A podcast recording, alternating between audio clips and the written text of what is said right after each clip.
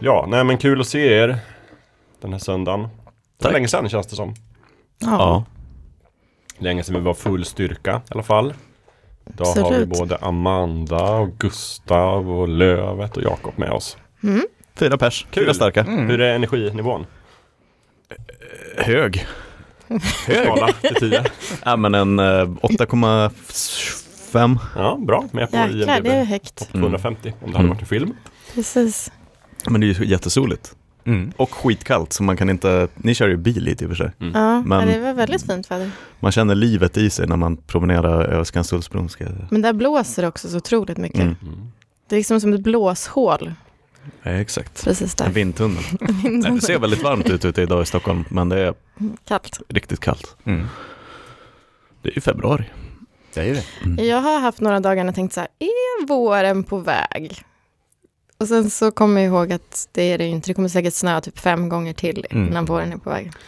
Men på väg är den väl alltid? Ja, Exakt. Det är mer som att den är parkerad på, På samma sätt som på att di- det i lackar diket. alltid mot jul. Ja, Men det, det är en inställningsfråga. Ja, ja, men tekniskt sett är det ju alltid nästan snart. ja, det är sant.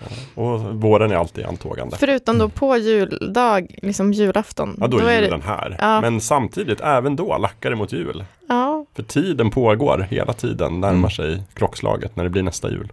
Mm. ja, det är sant. Jag är fortfarande förbryllad av en grej som hände för flera år sedan uppe i Skellefteå. Jag var på en hemmafest och så kom det förbi en tjej och så sen så tittade hon på mig och min kompis och så sa hon det är bara sommar en gång och så tog hon en shot och gick därifrån. Oj, var det en komplimang? Var det en diss? Var, ingen aning. Jag, jag funderar på det årligen. vad var det för shot? Eh, hallonslakrits tror jag. Ja. Eller som Fisherman Friend, Just det, eh, mint. Var, det under kände? Sommaren? Det var under sommaren. Det var under sommaren. Men det och kanske droppade en så djup filosofisk eh, hemlighet. Ja. Ni, ni bara var inte redo för att snappa upp den. Nej, Men det det var test tror jag, om ni failade. jag tror det var där kring du vet Maya-kalendern 2012-tider också när och CERN höll på med svarta hål i Schweiz. Så Det var mycket undergångstankar. verkligen, Mm. det kan ha varit att hon bara blev fångad i zeitgeisten. Det här är sista Mm. sommaren. Mm. Hon Tog en shot Det är bara och en gick. gång. Mm. Mm. För då kan man tolka det också som att om det här är sista sommaren så tänker jag fan inte stå här och prata med er.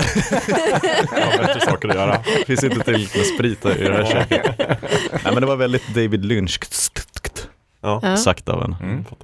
Mm. Ja, för hade hon bara lagt till om året, då hade det inte blivit någonting. Nej, då, eller hur, det var bara plattityder. Ja. Men Ja, precis. man måste ge det till henne. Jag har ju tänkt på det nu i Mm. mer än tio år. Mm. Alltså kanske hemligheten bara plocka bort allting som är konkret så kan du verkligen Mm. Exakt. Exakt. Ehm, ja, Och jag har spelat. Final Fantasy 5 på min eh, PS Vita på vägen hit. Så då Åh. kan man ju inte vara annat än pepp och energisk.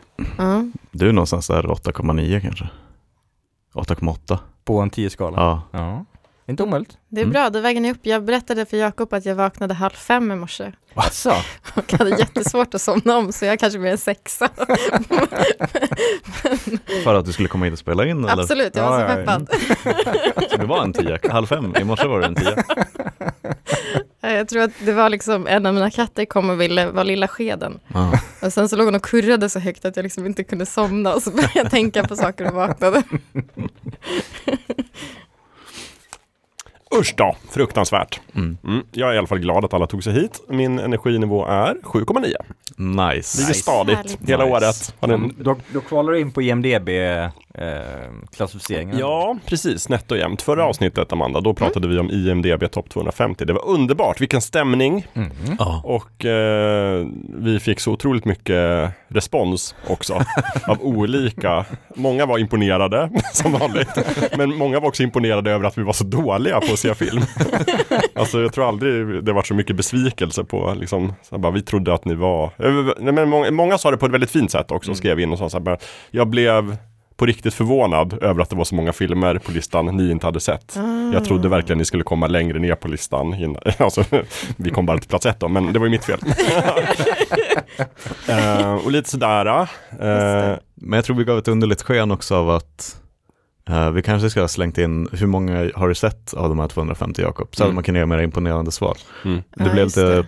vi gav illusionen av att inte ha sett så mycket alls Ja. när det tog stopp så snabbt. när, när vi kanske egentligen hade sett de flesta. Ja. Men att just som leken var upplagd. Så, men vi kan, skulle kunna leka en fortsättningslek någon gång Mm. och prata mer om det. Och du, Lövet, har ju beställt en hel radda med fysisk media Mm. för att täppa till lite luckor. Tyvärr så den, den filmen som, som där jag först eh, inte hade sett på topp 10 Ja, 12 edsvurna män. Män. Mm. Det Den är- den enda som inte har kommit än och den ska komma imorgon. Nej. Jag hade ju tänkt att se den till det det här Ja, avsnittet men just det, kunde Ja, jag då, inte. då, då hade du kunnat sitta här och vifta med en Blu-ray. Jajamän. Ja. Eh, Men eh, ja, jag får lämna rapport nästa avsnitt helt enkelt. Mm. Mm, mm. Men eh, ska ni göra någon med serier? Alltså för jag vet inte, jag är mer en serieperson än en Mm. filmperson tror jag. Det är ju... Mm. Så jag ska nog, jag checkar nog fler serier än filmer. Vi kan göra en, men, men är, det, är det motsvarande dignitet på IMDBs topp 250 tv-serier? Det som är problemet. Det kan I det ju alla fall vara. hundra Mm. kanske man kan ta. Mm. Absolut. Det finns ju en sån lista så, Mm. som man kan Då tar vi den listan och sen så blir det väl spellistan då också antar jag. Ja. Så har vi liksom täckt in de tre stora medierna som vi pratar om i podden. Jag hade en kompis som, kollade in, som aldrig kollade på serier som hade fått under åtta på IMDB. Mm. Men det, alltså, eller så han kollade bara på saker och ting som var över åtta. Men det gjorde också att vissa saker som när han typ hade råkat se en bra serie så kollade han på den efterhand och bara 7,8! Vad är det för skit? Steget från minne på något sätt. serier jag verkligen gillar till sämsta skit jag har sett är bara 0,2. Verkligen. Mm. Det här leder oss lite in på, på dagens ämne som jag har tagit till bordet, vilket är typ verken som vi älskar men som ingen annan förstår. Eh, och den idén kom ju faktiskt från när vi pratade om den här uh, topp 250-listan. Mm. När jag läste igenom den noga och letade efter mina favoritfilmer och inte hittade dem någonstans. och sen förstod jag att det är klart att de inte är med på den här listan. Det var ingenting på 250-listan att göra. Eh, och då tänkte jag, började jag tänka så här att ja, alla har säkert de här personliga favoriterna som, som ingen annan verkar liksom förstå eller vilja förstå heller.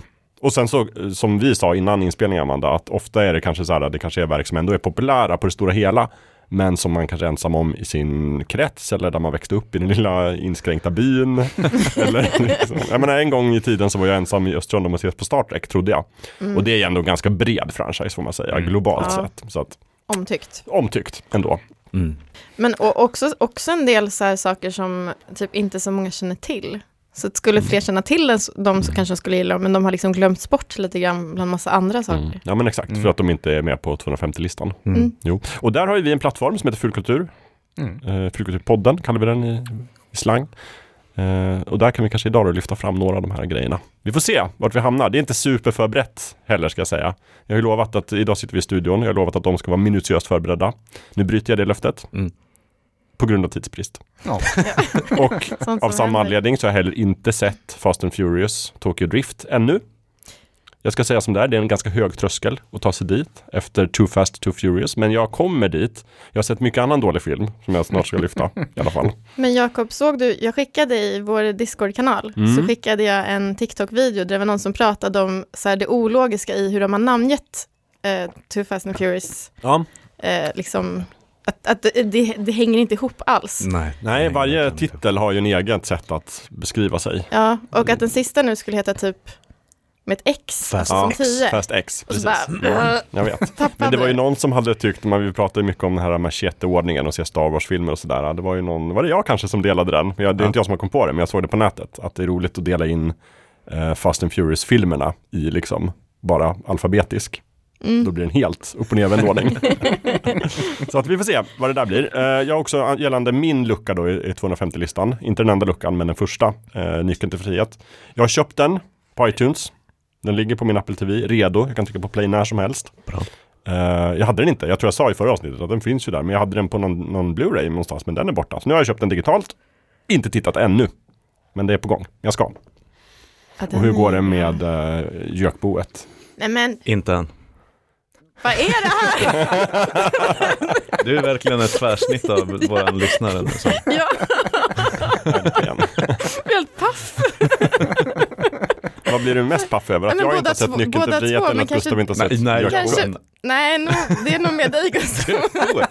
Jag kan inte ha sett den. Ja, fan, den är ju på plats. Ska vi, ska vi bara lite snabbt låta dig leka leken Amanda innan vi kommer Ja. igång? Jag tar fram IMDB 250 så ska vi se hur god Hur mycket du skrattar om ungefär är. två minuter. Ja. Ska vi se. Eh, säger du stopp då, den första du inte har sett. Ja. Eh, Nyckeln till frihet. Gudfadern. The Dark Knight. Gudfadern del 2. ja, den tror jag sett. Eh, 12 edsvurna män. Mm, Bra. Schindler's list. Nej, ja, eh, Amanda! Amanda! är inte det obligatoriskt i Den är grundskolan att se den? är det här du faller? Skolkade du den dagen i skolan eller vad? vi hade, vi Vadå, rullade ni inte in den här tjock, gamla tjock-tvn med en video som var fastkedjad och liksom Nej, fröken satte in. Vår generation, vi fick VHS. Alltså jag skulle kunna sett den typ, alltså så här, för att mina föräldrar kollade på den när jag var typ 10. Men jag det, kommer det inte där duger inte. Nej, kommer inte ihåg. Inte. Det här är verkligen, okej. Så många avsnitt Amanda när jag har sagt någonting fint om Liam Neeson och så har jag tittat på det och så har båda vi har nickat till varandra. Och då har ju du tänkt, han var ju så bra i Schindler's Ja, list. exakt. Medan jag Amanda på tänker, Taken. Taken. Ja. Hon var övertygande i Taken. Ja, okej, då blir det visst en läxa till dig också då. Ja. Eh, ja, det är ju kanske ingen popcornfilm så, men, eh, Nej. men den är viktig. Mm. Så om du har en, eh, ett gäng timmar över något kväll så, så kan du se den. Jag, tar några, jag kan dela upp den så att det blir som en serie, Mm. en miniserie. Jag, jag tror jag har sagt det här förut i Fyllkultur, men det är så fint. Det, det är en så fin anekdot. När, för John Williams som har gjort musiken i den filmen såklart, eftersom att det är en Spielberg-rulle. Uh, deras process är att de har klart filmen, ganska rough state, och så visar de den för John Williams och så bestämmer, bestämmer de sig vilka scener som ska ha musik och hur det ska vara. Eh, så John Williams har berättat att när han såg testscreening med Spielberg av Schindler's list så var han helt drabbad efteråt, gick och tog ett varv runt huset, kom tillbaka in och sa att Steven, det här är en otrolig film. Och du behöver en mycket bättre kompositör än vad jag är för att Oj. spela in musiken. Och då svarade Spielberg, ja jag vet, men tyvärr alla dött. Jag vet. Ja, det där är kul. Det är ju som när en journalist frågade John Lennon om Ringo Starr verkligen var världens bästa trummis. Och John Lennon svarade, nej han är inte ens den bästa trummisen i The Beatles. Men det har jag kanske också dragit förut. Elakt. Ja. Men hjärtligt. Ja. Eh, vad har ni gjort sen sist hörni? Oj, så mycket. Vad har du gjort Lövet? Och Jättemycket. får jag skjuta in en fråga till dig först? Mm. Hur glad är du att Metroid Prime Remastered eh, nu finns? Jag är helt över månen glad. Eh, när, de, när Nintendo presenterade det var det första, oh, men så här, bara första spelet. Men så här, så här, så här, ryggradsreaktionen var så här, äh, bara första spelet. Jag trodde att de skulle släppa eh, remaster-trilogi. Men sen när jag började spela det och insåg, inser hur jäkla bra remaster det faktiskt är. Mm. Ja, men originalspelet är ju fantastiskt bra. Kom till ju- GameCube det kom, kom till GameCube. back in the day. Och liksom, snygg prestation, fantastisk musik, bra speldesign, spelmekanik, liksom the works. Eh, men den här remastern är också väldigt, väldigt välgjord. De har inte bara liksom höjt upplösningen och eh, förbättrat, putsat till lite texturer och kallat det en dag, utan de har ju liksom uppgraderat ljussättning, eh, 60 fps, stabila 60 fps och eh, hur många så här quality of life förbättringar som helst. Handkontroller som inte är hål i huvudet. Eh, ja. Det är så plus. Alltså på den tiden tyckte jag att det funkade bra men eh, nu med en Pro Controller Det är ju lite trevligare Ja. faktiskt. Ja, för på GameCube hade man ju bara en spak, så det är svårt Mm. att ha två spakar att Mm. styra med då. Men nu kan man ju ha det. Mm. Utvecklingen har gått framåt. Men du har alltså redan eh, köpt den digitalt då och Ja, börjat och spela? jag har för jag tänkte beställt- så här, Lövet, han väntar till den 22 Jaha. februari och beställer den när den kommer på, på minne. Men jag har redan fysisk media. förbeställt eh, två fysiska kopior. Såklart du har. Ja, Den, det japanska omslaget och det det. Jag glömde Lövet-faktorn. Alltså, är Vilket är det du ska liksom inte öppna? Eller är det båda två du inte ska Ja öppna? fast nu har jag den digitala kopian Så då behöver jag inte öppna jag någon inte öppna någon av dem.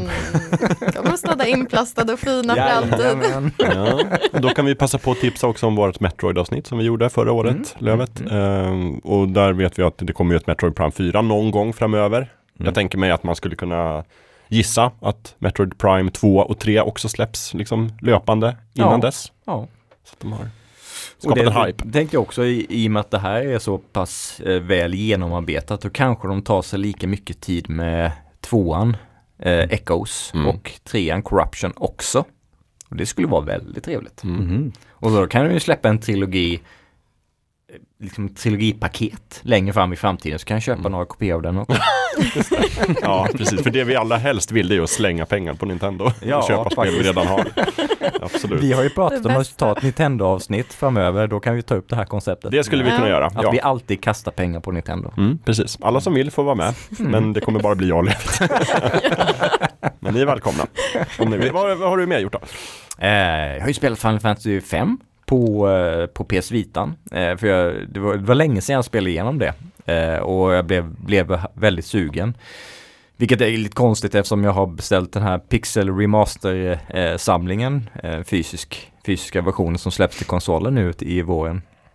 Och där är ju femman en del av det. Så jag hade ju kunnat vänta till det släpps och spela på Switch istället men det gjorde jag inte.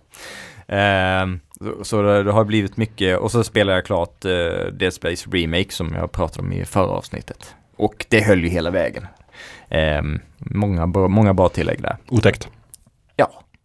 Fast jag är ju så pass sluttrad så jag, jag tycker inte det är så otäckt. Nej, du skrattar det- åt. jag sitter och Ja. småler hela Ja. tiden. Men sen har jag tittat på många eh, serier med eh, föräldrarna. Eh, bland annat The Sinner, eh, Mm. säsong 5 tror jag det eh, Med Bill Pullman. Mm. Eh, en sån här kriminaldeckarserie. Eh, där varje säsong eh, ett nytt mysterium som, eh, eh, som ska lösas. Där den gode Bill kämpar med sina egna inre demoner och kommer till nya platser där de, den lokala polisen inte riktigt mäktar med att nysta ut vad det är som står bakom morden som det oftast handlar om. Ehm, och den femte säsongen är också väldigt, väldigt bra. Väldigt, Mm. väldigt bra. Väldigt spännande. Ehm, så den, den kan jag rekommendera om man gillar kriminalthrillers. Sen har vi tittat på, jag är ganska sen på bollen här. Jag gissar att minst en av er har säkert sett, sett den här serien This is us. Tyvärr. Nej, du faktiskt This inte. Asså, Nej. Tyvärr. Men eh, Åh. den har legat lite grann på min så här, den där borde jag nog se-lista. Mm. Ja, för den är, för jag, det, de, det finns ju sex säsonger ute så den, den har ju, den, det är en gammal serie vid det här laget. Och jag minns att när jag läste om den när den första säsongen släpptes, att den, den blev ganska hyllad eh, och skrevs ganska mycket om den. Så tänkte jag, ja, den kanske man skulle se. Och sen har det inte blivit av. Och sen eh, nu när, när jag och föräldrarna avslutade förra serien så tänkte man, ja men vad ska vi börja med nu? Så såg jag This is us i, i det där flödet, tänkte jag, ja, kanske ska ge den en chans. Mm. Och den är, den är väldigt, väldigt bra.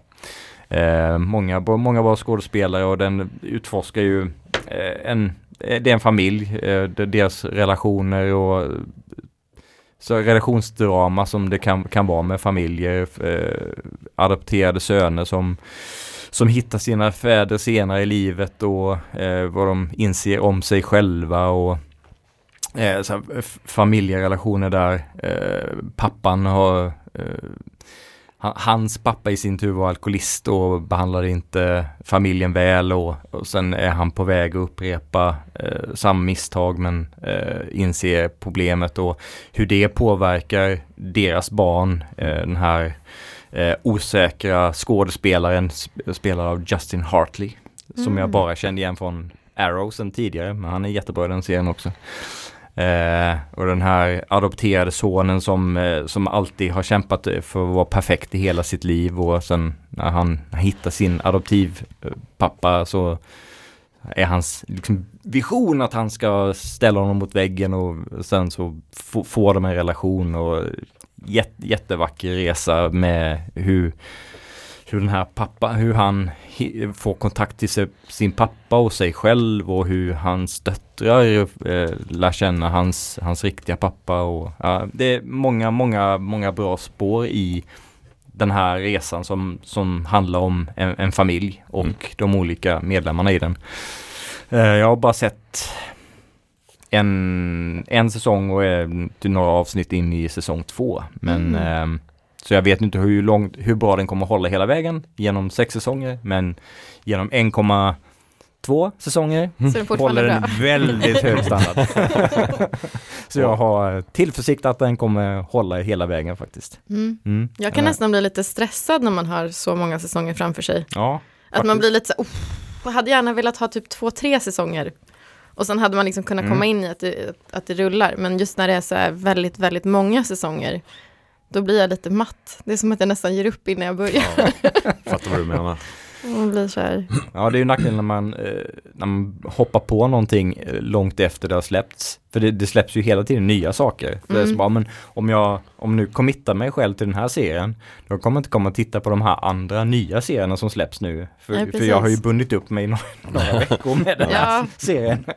Annars får man liksom välja typ så här, eh, alltså dagar. Så på måndag kollar jag på det här, på tisdag kollar jag på det här. Och så får man se allting en gång i veckan. Logistik. Vilka se allt man vill se. Eh, sen har jag varit på två konserter också faktiskt. Jaha. En Final Fantasy-konsert. Mhm. Eh, där vår tidigare kollega Kenneth eh, lyckades eh, hitta mig bara på min ryggtavla. han, bara, vad, är- han skrev ju på Slack-kanalen, så bara, var Eklöf på en Final Fantasy-konsert igår? Så bara, ja det var jag. Men jag tyckte jag kände igen din ryggtavla. Bara, "Ja, Men var han där? Eller var han, han... Nej det var hans han, kollegor. Just det. Mm. Och de Eh, tog en de bild. De tog en bild. De tog en bild. Nej! Och Kenneth såg bilden och tänkte, där är ju Eklöf. Det är Eklöfs ryggtavla. Det är tro- att du har så minnesvärd rygg. Ja tydligen, min profil är tydligen ganska distinkt. Men det är också så här kanske om, om de inte hade visat en bild utan bara sagt gissa vem som var på en Final Fantasy- Fantasy-konsert. Så hade han kanske Kenneth, gissat. sannolikt Lövet hade han nog sagt. Ja, det är sant. Men satt Kenneth bakom dig på Geeks-kontoret? Han kan, han kan ju ha väldigt många timmar Han satt att ju titta i samma din- rum som mig. Han är som en sån här AI-algoritm Ja, som har lärt sig exakt hur Lövets rygg ser ut. Ja, vi bara fått så mycket användbar De, data. de där punkterna Ja, känner jag precis. igen. Ja, men han kan ha studerat den Ja. i, i detalj liksom. Eh, och det var en väldigt bra konsert. Eh, det var en, eh, en kill som spelade pianoversioner av alla 15 eh, spel som har släppts hittills. Oj. Och det, det känns, utöver att det var väldigt bra versioner av dem, så känns det som att det är perfekt inledning till eh, Final Fantasy 16 Mm. som släpps i juni. Jag så bara, ja men då kan du komma tillbaks eh, i höst Spela 16 och spela låtar. 16 låtar.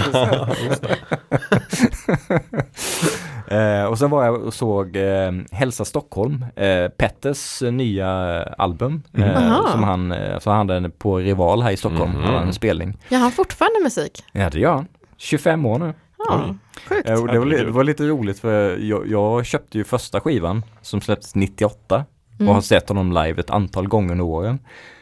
Och han, han spelade eh, låtar från hela sin, hans eh, låtbibliotek eh, och lite, gjorde lite remixes och eh, lite, lite annat sound i vissa av de här låtarna. Som gjorde det extra värt att se det live. Men också lite roligt så här, jag har ju minnen från de här olika konserterna, de Ja. olika skivorna, de olika åren som, som jag har sett honom live och han pratade mycket om det här liksom, när man har, har spelat i 25 år. Typ när man har gått på konserter i 25 år. Jag har sett det här. Jag vet, jag minns vad det är du pratar om så här. Det var lite roligt. Utöver att det var en väldigt bra konsert så var det lite nostalgiskt också. Bara, "Ah, men jag har ju varit med på hela den här resan faktiskt. Men det är jätteroligt. Det, här, det är som en ny sida av dig som jag inte visste fanns. Jag hade ingen aning om att du var ett Petter-fan. Jo, Inte jag heller. Hur har det här Bredvid liksom alla japanska rollspel och all metall och hockey så finns det också en stor Petter. Ådra, det är fantastiskt. Fantastiskt. Om det är Petter och Loop Troop. Ja. Jag började lyssna på dem i ungefär samma veva och sett dem, eh, ja, under alla de här åren. Fan vad kul. Ja. Det måste vara en helt annan publik 2023 när man går och kollar på Petter än 98 Men jag blev 2000. faktiskt förvånad att det, det var några så yngre människor där. Mm. Eller några, eller det var ett, ett gäng. De måste ju, och han, de, de började hoppa och studsa extra mycket när hans, de här mer poppiga låtarna från Mm. hans senaste skivor började spela. Så jag mi- misstänker att det var nya fans. Men det är ändå kul att här, vi gamla rävar och nya fans kan samlas på samma konsert och hitta uppskattning i det. För de- de, de diggade ju också de gamla låtarna som de har lyssnat på mer i efterhand Just det. i modern tid. Mm. Ehm, och så kör han lite olika medleys. Uh, han får inte plats med hur många låtar som helst. Nej, så nej. körde han medleys där han bakade ihop eh, delar från några av hans populära låtar från, från Ja, åren på ett jäkligt snyggt sätt. Så eh, det var bra, bra konsert. Du har verkligen haft fullt upp du. Jajamän.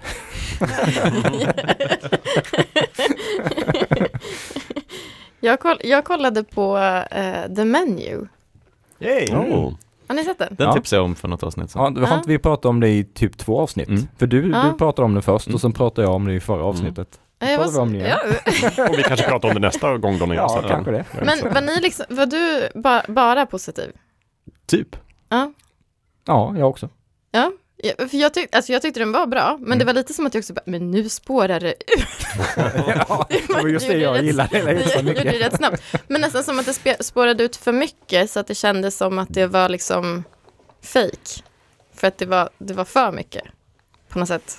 Jag vet inte, jag hade, lite, jag hade lite svårt, det var lite som att så här, nu ska vi göra en lustig film, där vi bryter alla regler. Och så, och så bröt de liksom för många regler. Så att det blev lite så här, lite plattare än vad jag hade hoppats på.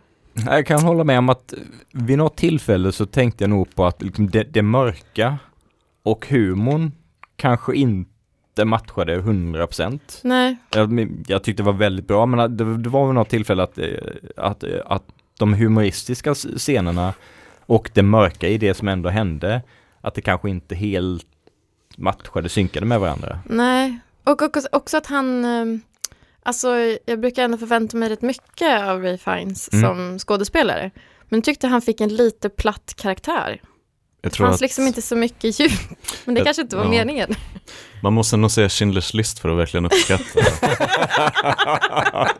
Jag hur han tar sig an rollen i The Menu. Det finns många paralleller.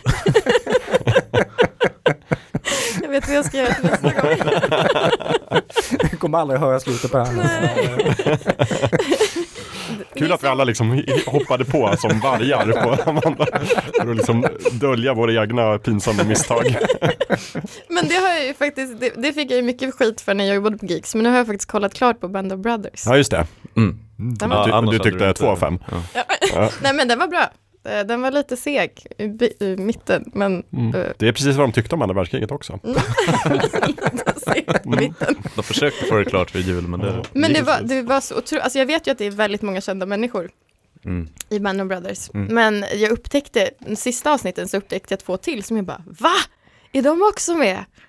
Eh, Tom Hardy Mm. Mm. Och eh, Michael Fassbender. Mm. Mm. Ni vet Oh, allt. ja. Jag, Mm. jag, jag såg inte dem först på slutet och bara, men är, är han är rätt lik. Och så bara, nej, det är han.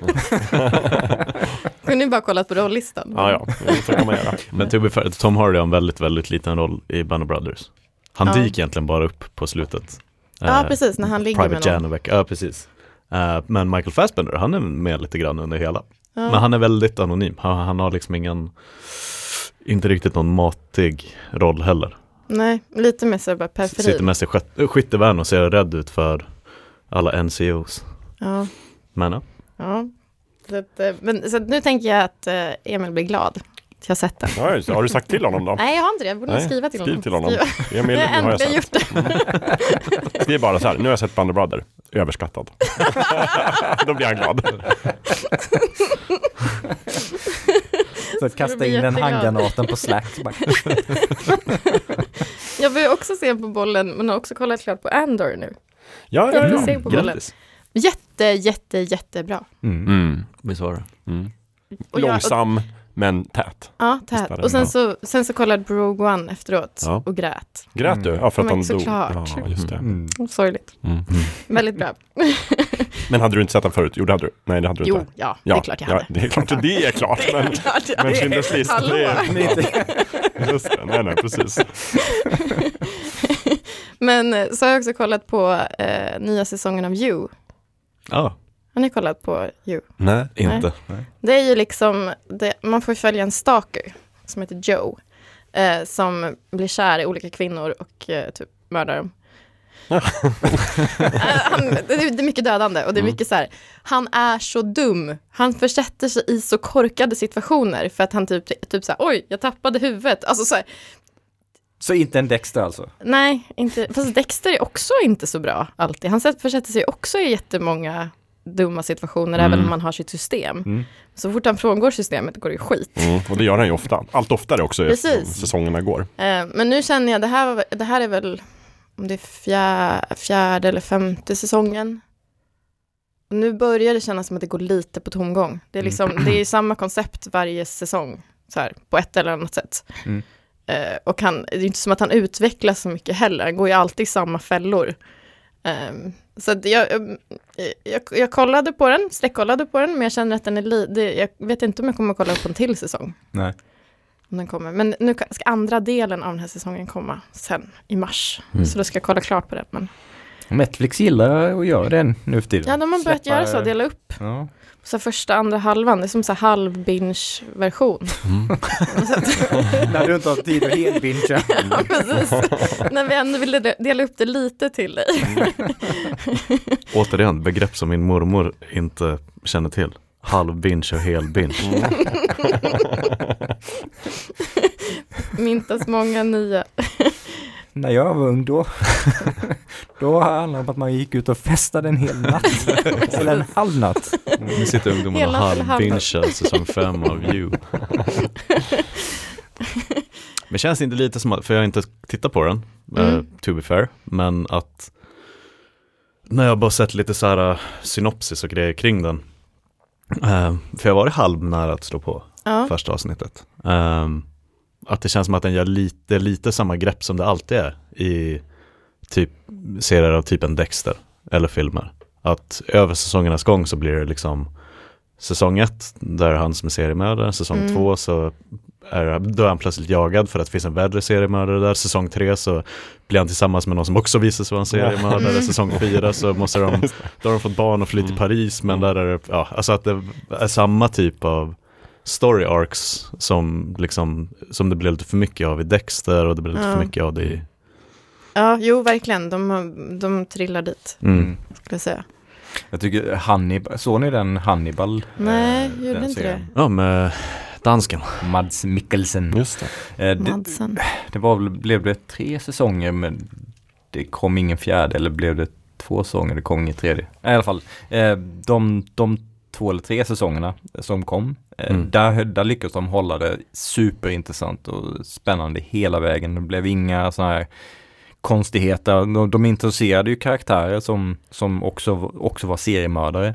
Och, då kan man ju tänka sig att, som, som du säger, att Mm. ja, men då, då kommer det liksom börja spåra ur och det, det, de ska eh, försöka one-uppa sig själva så blir det eh, tokigt. Men där lyckas de hålla, hålla det tight och spännande hela vägen. Det kanske var Mhm. bra att, den, eh, att det inte blev någon säsong tre Mm. eller på, Fyra eller fem fyra. eller sex. Ja. Mm, ja, precis.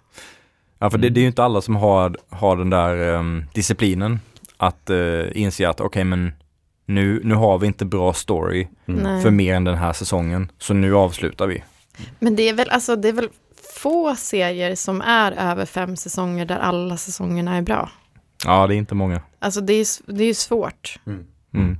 Det, då finns det några bottennappsäsonger. Mm. Så är det ju. Ja. Om man inte heter Seinfeld. Ja, just det, det är sant. Det är kanske undantaget som bekräftar regeln. Ja. Ja. Jag kollade också på en, en gladare Chippendales. Ja, den, den nya, Ja, väldigt, väldigt nya. ja, om eh, manliga strippor. Mhm. Som är, det, det, om det börjar på tidigt 80-tal kanske. ehm, så är, är den, den är baserad på en riktig historia. Eh, så är det Steve Bangery som är indier som åker över och tänker så här, jag vill eh, starta företag, vad kan jag fixa? Så börjar han med att starta typ en backgammonklubb, tror jag. Skittorrt, ingen är där. det finns inte så mycket intresse Cool, för det i LA. Eh, och sen så typ så bara sniffar han upp liksom så här, kvinnor kanske också vill se naket. Och så börjar han, så börjar han med liksom en, en strippklubb som Mm. går jättebra, men sen så går den liksom för bra. Han är, en, han är, som, han, han är också så här helt idiotisk, han tar så otroligt många dumma beslut och sen så skyller han på andra typ och blir sur. helt. men då är det också, eh, gud vad heter han? Skådespelaren som, han som var med i eh, avsnitt tre av The Last of Us. Som är Frank. Nick Offerman, eller han den andra. I, ja, den andra. Han som också är med i Eh, White Lotus Ja, första just det, säsongen. precis. Ja? Hotellsnubben. Mm, mm, mm, Eh, typ så att man inte känner igen honom för han ser inte lika snäll ut som han brukar göra. Men han är också fantastisk i Chippendales. Mhm. Och vart finns den här? På Disney Plus det Disney plus, okej. Just det. Vem hade kunnat tro det? Att en, en strömmande tjänst av Disney innehåller naket. är. Kunde varit på HBO annars. precis. mm. Okej. Mm. Vad har du haft för er sen sista Gustav? Ehm, jag har, eh, jag började spela Cyberpunk igen. Så Ny tror jag start? Typ, ja, ny start. Mhm. Ska Inför fram till DLC eller finns Precis. DLC redan? Nej. Nej, det finns inte. Nej. Det finns inte ens ett releasedatum mer än 2023. Så jag hoppas att jag tajmar bra nu. För jag tänker att jag ska spela igenom hela Cyberpunk. ehm, och att det här ska bli sparfilen som jag tar in i The Phantom Liberty. Eller Phantom Liberty. Um. Fantomfriheten. ja, gud. Men, och jag tror att det här är nog genomspelningen som jag njuter mest av. Jaha, oj vad kul. Mm. Men är det tredje eller andra Ja, genomspelningen? Tredje blir det Ja. väl. Eh, andra var inte riktigt så 100% completion. Nej. Så det blir tre, tredje får man ändå säga. Ehm, mm, det påminner väldigt mycket om den första sparfilen. Nummer två var lite mera testa andra val. Men Mm. det här blir den, jag tycker om att ha en som är lite Liksom mera, Gustavs kanon. Ja, Det här var det som hände. precis, ja, precis. Jag fattar. Ehm, för jag tänker att jag, mm, för jag vet att om när DLC släpps så hade jag spelat igenom alltihopa ändå. De, CD Projekt bruk, det gjorde de med Witcher 3 också, att du kunde om du ville starta liksom en level 30-karaktär direkt och hoppa rakt in i Blood and Wine Ja, ja, ja. och spela det som ett Mm. separat äventyr. Men, eh, men jag vet någonstans att när det väl släpps så hade jag spelat igenom hela skiten. Och jag vill inte bli utbränd för att jag har hela Cyberpunk och ett DLC. Nej. Så nu kör jag igenom basspelet Mm. igen. Eh, så hoppas jag att det blir, att det tajmar rätt Mm. bra. Jag vet inte vad Eh. Försäkringskassan skulle säga om det, att stå på läkarintyget. Utmattningssyndrom, har spelat alldeles för mycket Cyberpunk. Försökte ta sig igenom DLC och grundspelet på en gång.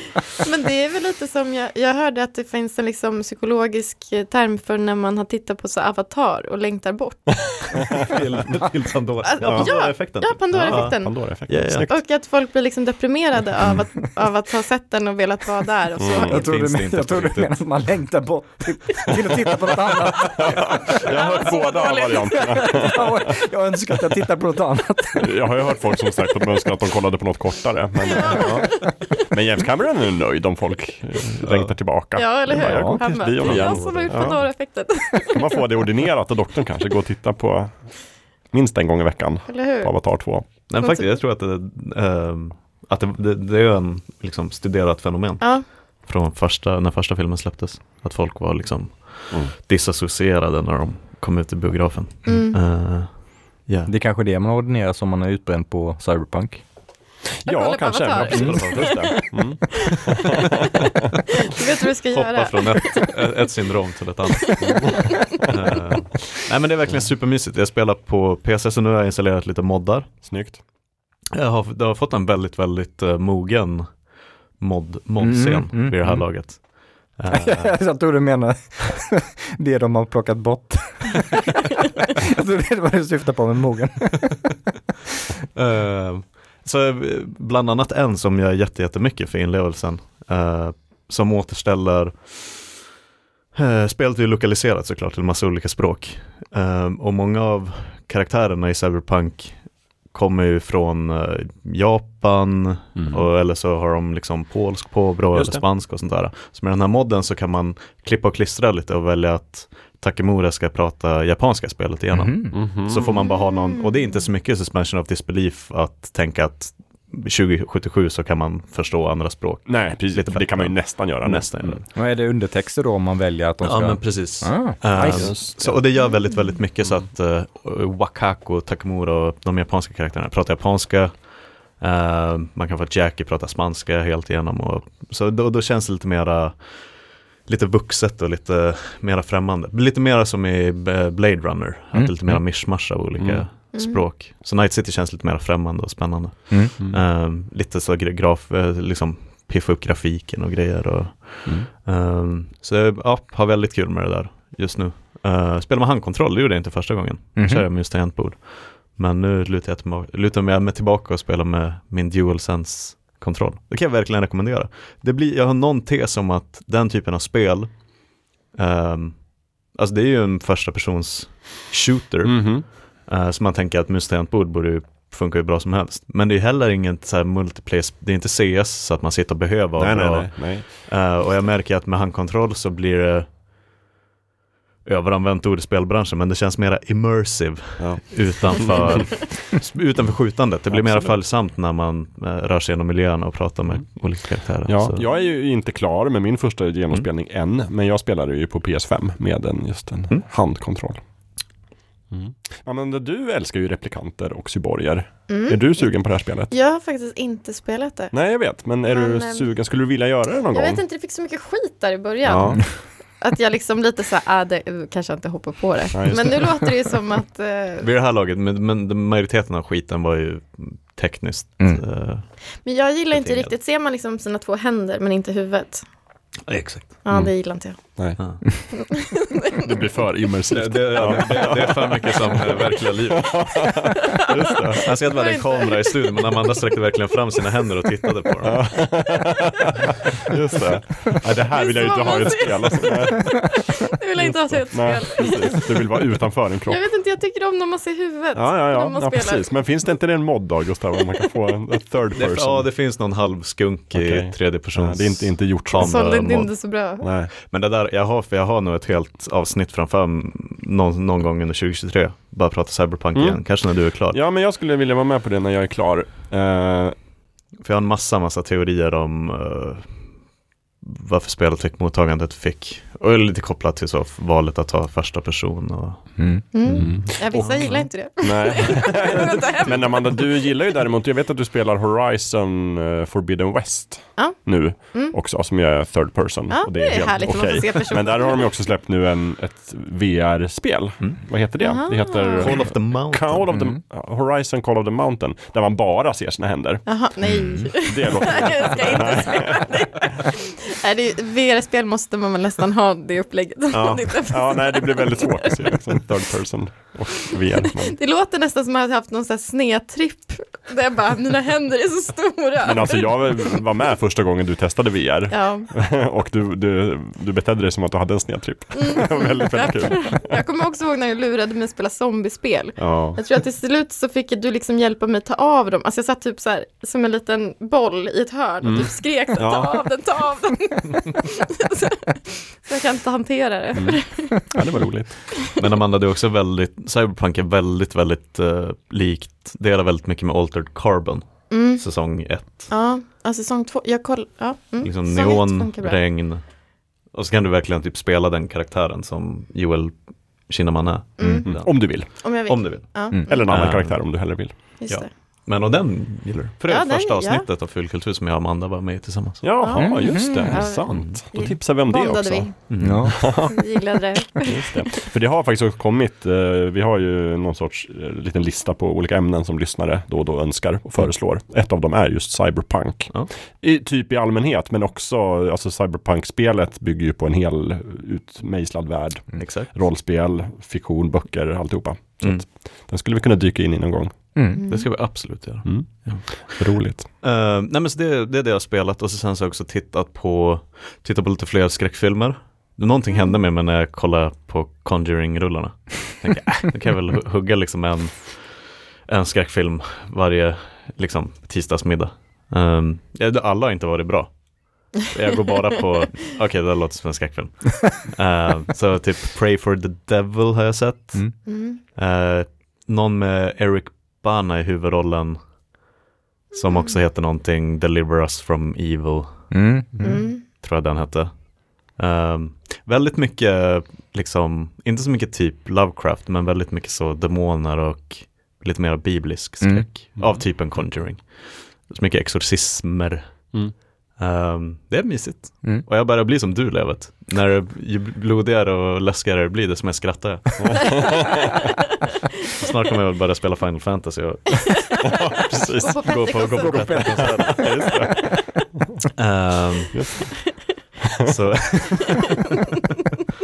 ja, men det är mysigt för jag har aldrig haft det där riktigt i mig, att bara titta på skräckfilmer för liksom okynnes-titta. Men nu är, nu är jag inne i en period när jag gör det väldigt mycket. Vad roligt. Ehm, och det, det är väldigt mysigt. Eh, och så sen igår så såg jag Tinker Tailor Soldier Spy för 44 gången. Och det kan också... Jag trodde först du skulle säga första gången, så tänkte jag nej. Nej men typ bo, nästan bokstavligt talat 44 gången. Ehm, jag önskar att jag bara, om jag, så här, om jag hade haft en pub i Stockholm lite finare. Eh, för du vet, fina restauranger i Stockholm har ju att det du vet, spelas musik eller till Mm. och med kanske spelas en film på, Det på toaletterna. det är- ja. Överallt. Ja. Så om jag hade haft en, eh, en brittisk, ett brittiskt ställe i Stockholm Ja. så hade Tinker Tailor Soul Spy bara snurrat på alla toaletter. Jaha, just det. På loop. 24/7. Ja, på loop. Alltid tiden. wow. Jag önskar att den var åtta timmar lång. Ja. Eh, och precis som med Cyberpunk så kan det här ha varit den mest njutsamma genomtittningen av Tinker Tailor Soul Spy Vad som jag har haft. Vad kul. Och varje gång det lyfts i den här podden så, så njuter jag lite av att tänka Mm. att jag har den framför mig. Att jag Nej, ska men ja. den. Men du, vi, har- vi har pratat om det här. Åh, vad är det här? Ja, jag spar den som en liten karamell. Jag ska ta den. Nej, den är så... Ja, den är Ja. bra. Den är riktigt, riktigt bra. Mm. Jag har så, så, sett lite sådana recensioner, först den kom 2011 tror jag. Ehm, recensioner som kanske kom förra året av den. Mm. Och då är det verkligen så, det här kan vara 2011 års bästa film. Jag önskar bara att vi visste det då, Ja, såg jag ja. någon Mm. eh, recension säga. Mm. Mm. Mm. Det är en ganska bra summering. Den har verkligen växt på mig genom åren, men eh, alltså, åh, den är tät. Verkligen eh, res, re, respektera källmaterialet. Mm. Och det är ju fler kändisar i den än vad det är i Band of Brothers liksom. Mm. Bara studsa Mm. förbi tre sekunder. Just det. Det var han. Det var hon. Eh, ja. Kanske Gary, en av Gary Oldmans bästa rollprestationer också. Mm. Och då har han gjort väldigt mycket bra. Ja, ah, det är jag. Mhm. Vad har du gjort Jakob? Eh, ja, lite av varje.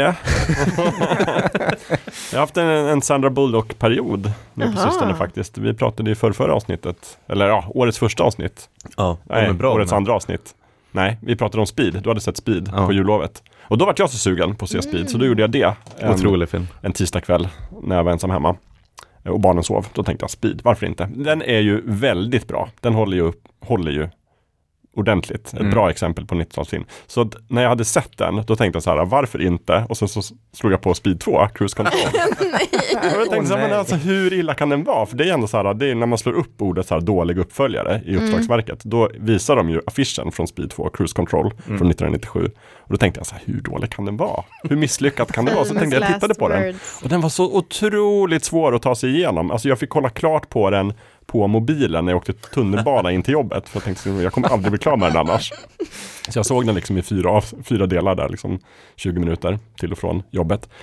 Eh, och sen såg jag klart den eh, en kväll. Den är så långsam. Men att du kämpade igenom den, att du Ja, men jag, jag liksom... var tvungen, jag tänkte för, för vetenskapen. Tänkte jag. ja, men alltså, det är så ironiskt att den heter Speed 2 också, för Så- den är så så otroligt långsam. långsam. Tempot är långsamt. Den utspelar sig på ett kryssningsfartyg som liksom inte känt som ett snabbt fartyg. Och det går inte snabbt heller. Jag, bara så här, för jag tänkte när jag slog på den att hur ska de lösa det här? Det måste ändå handla något om att båten inte får åka under en viss knop eller något sådär. Men det är, det är inget sånt. Utan det är bara så här att de kan inte styra båten. Därför att Willem Dafoe har typ, han är sur för att han inte fick så bra pensionsvederlag för att när han har byggt båten. Då sätter han någon sån här konstig apparat under instrumentbrädan och då kan han plötsligt styra båten. Väldigt oklart hur det går till. Så han Och, och det är väldigt båten. oklart också vad hans plan är. Men det är också bara så här, nu kan vi inte ha kontroll över båten. och det dåligaste är också, det, för det första så ville ju inte, det är samma regissör som har gjort Speed 1. Mm. Eh, och han ville egentligen inte göra filmen. Utan det här är typ ett gammalt manus på en Die Hard-film som de liksom grävde upp och bara så, men vi gör det här kan vara Speed 2. Eh, och den känns mycket mer som en Die Hard eller under belägring-film. Just så här, det är en väldigt så här begränsad plats och det har, Destination. har ingenting att göra med hastigheter. Vad skönt att det inte blev en Die Hard-film kanske. Ja, Ändå. ja, men det är ju det är inte en speedfilm heller. För det är bara så här, därför att, vad heter han, Keanu Reeves, Ja. Jack, polisen Jack i första speedfilmen. Manuset är ju skrivet med honom i åtanke. När de gjorde om det till en speedfilm så tänkte de så här, det är klart att Keanu kommer tillbaka. Men Keanu sa, nej, Absolut inte. absolut inte. Jag ska göra eh, andra saker istället. Jag kommer inte dyka upp på inspelningen. Ni får göra det här utan mig. Jag ska göra bra film. Ja, jag ska göra en bra film. Eh, och då, men Sandra Bullock sa naturligtvis att ja, jag är på. Eh, Hon trodde att Keanu också. Ja, men de trodde att Keanu skulle vara där. Och då ingen tar de sa henne att han fram, inte kom. nej, och då tar de ju han som heter, vad heter han nu, Jason Patrick, Mm. någon sorts skådis istället. Ja. Och så här, det är en ny karaktär, han heter något annat, men han har exakt lika mycket personlighet som Keanu Reeves, fast mindre. Mm. Det vill säga ingen. och sen är hela plotten är bara så här att, alltså den förstör ju första filmen för att i slutet på första filmen blir ju Sandra Bullock och Keanu Reeves ihop. Mm. Och så pratar de mycket om att då sådär, när man inleder en relation under extrema omständigheter, det håller aldrig, Mm. men vi gör ett försök. Och nu, nu börjar filmen bara med att nej det höll inte. och så träffade jag en ny polis som har exakt samma, liksom, han är lika driftig. Ja, samma arketyp. Ja, och sen så är liksom hela plotten går ut på att de ska typ fördjupa sin relation. Och liksom så här, ska vi gifta oss eller ska vi så här committa?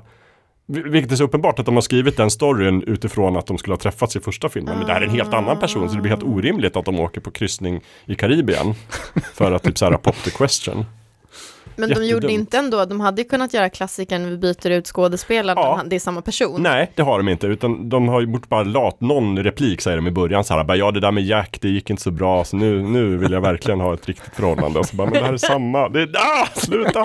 Plus att i första filmen så är Sandra Bullock en vanlig arbetare som vill ta sig till jobbet. Och visar sig vara superbra på att köra buss. Och då säger hon någonting om att så här, ja, men mitt körkort blev indraget för att jag fortkörde eller något sådär, vilket är ironiskt. Nu måste jag köra den här bussen som kan explodera.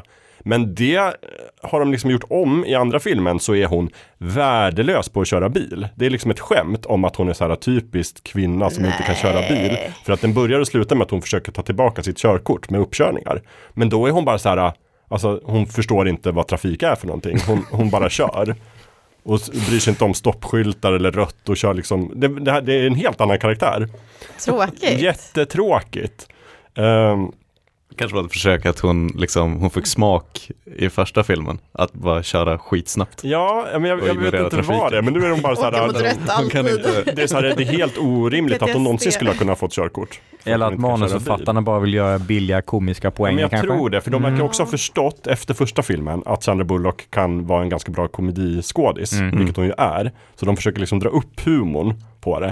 Men det blir väldigt så här jönsigt och inte alls allvarligt och så otroligt tråkigt. Men Sandra Bullock sa, så har ju nyligen så här, pratat om Speed 2 och hade, hänvisade väl den till i mindre positiva ordalag. Exakt, jo men det måste man väl äga någonstans. Det finns inte så mycket positivt att säga om den. Förutom en scen när kryssningsfartyget håller på att krocka med en oljetanker och liksom det är ganska tät att de måste liksom försöka väja och det går långsamt och sådär. Sådana grejer skulle de ha gjort mer av.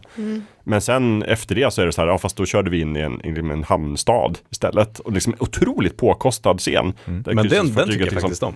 Ja, den är jättevälgjord. Ja. Så den är ju tekniskt sett bra film, det får man säga. Visst är det en fluffig liten hund också med där Ja, precis i slutet? ja men precis. Och det är det så här klassiska, typ att någon nästan dör men liksom kryssningsfartyget kommer så här nära.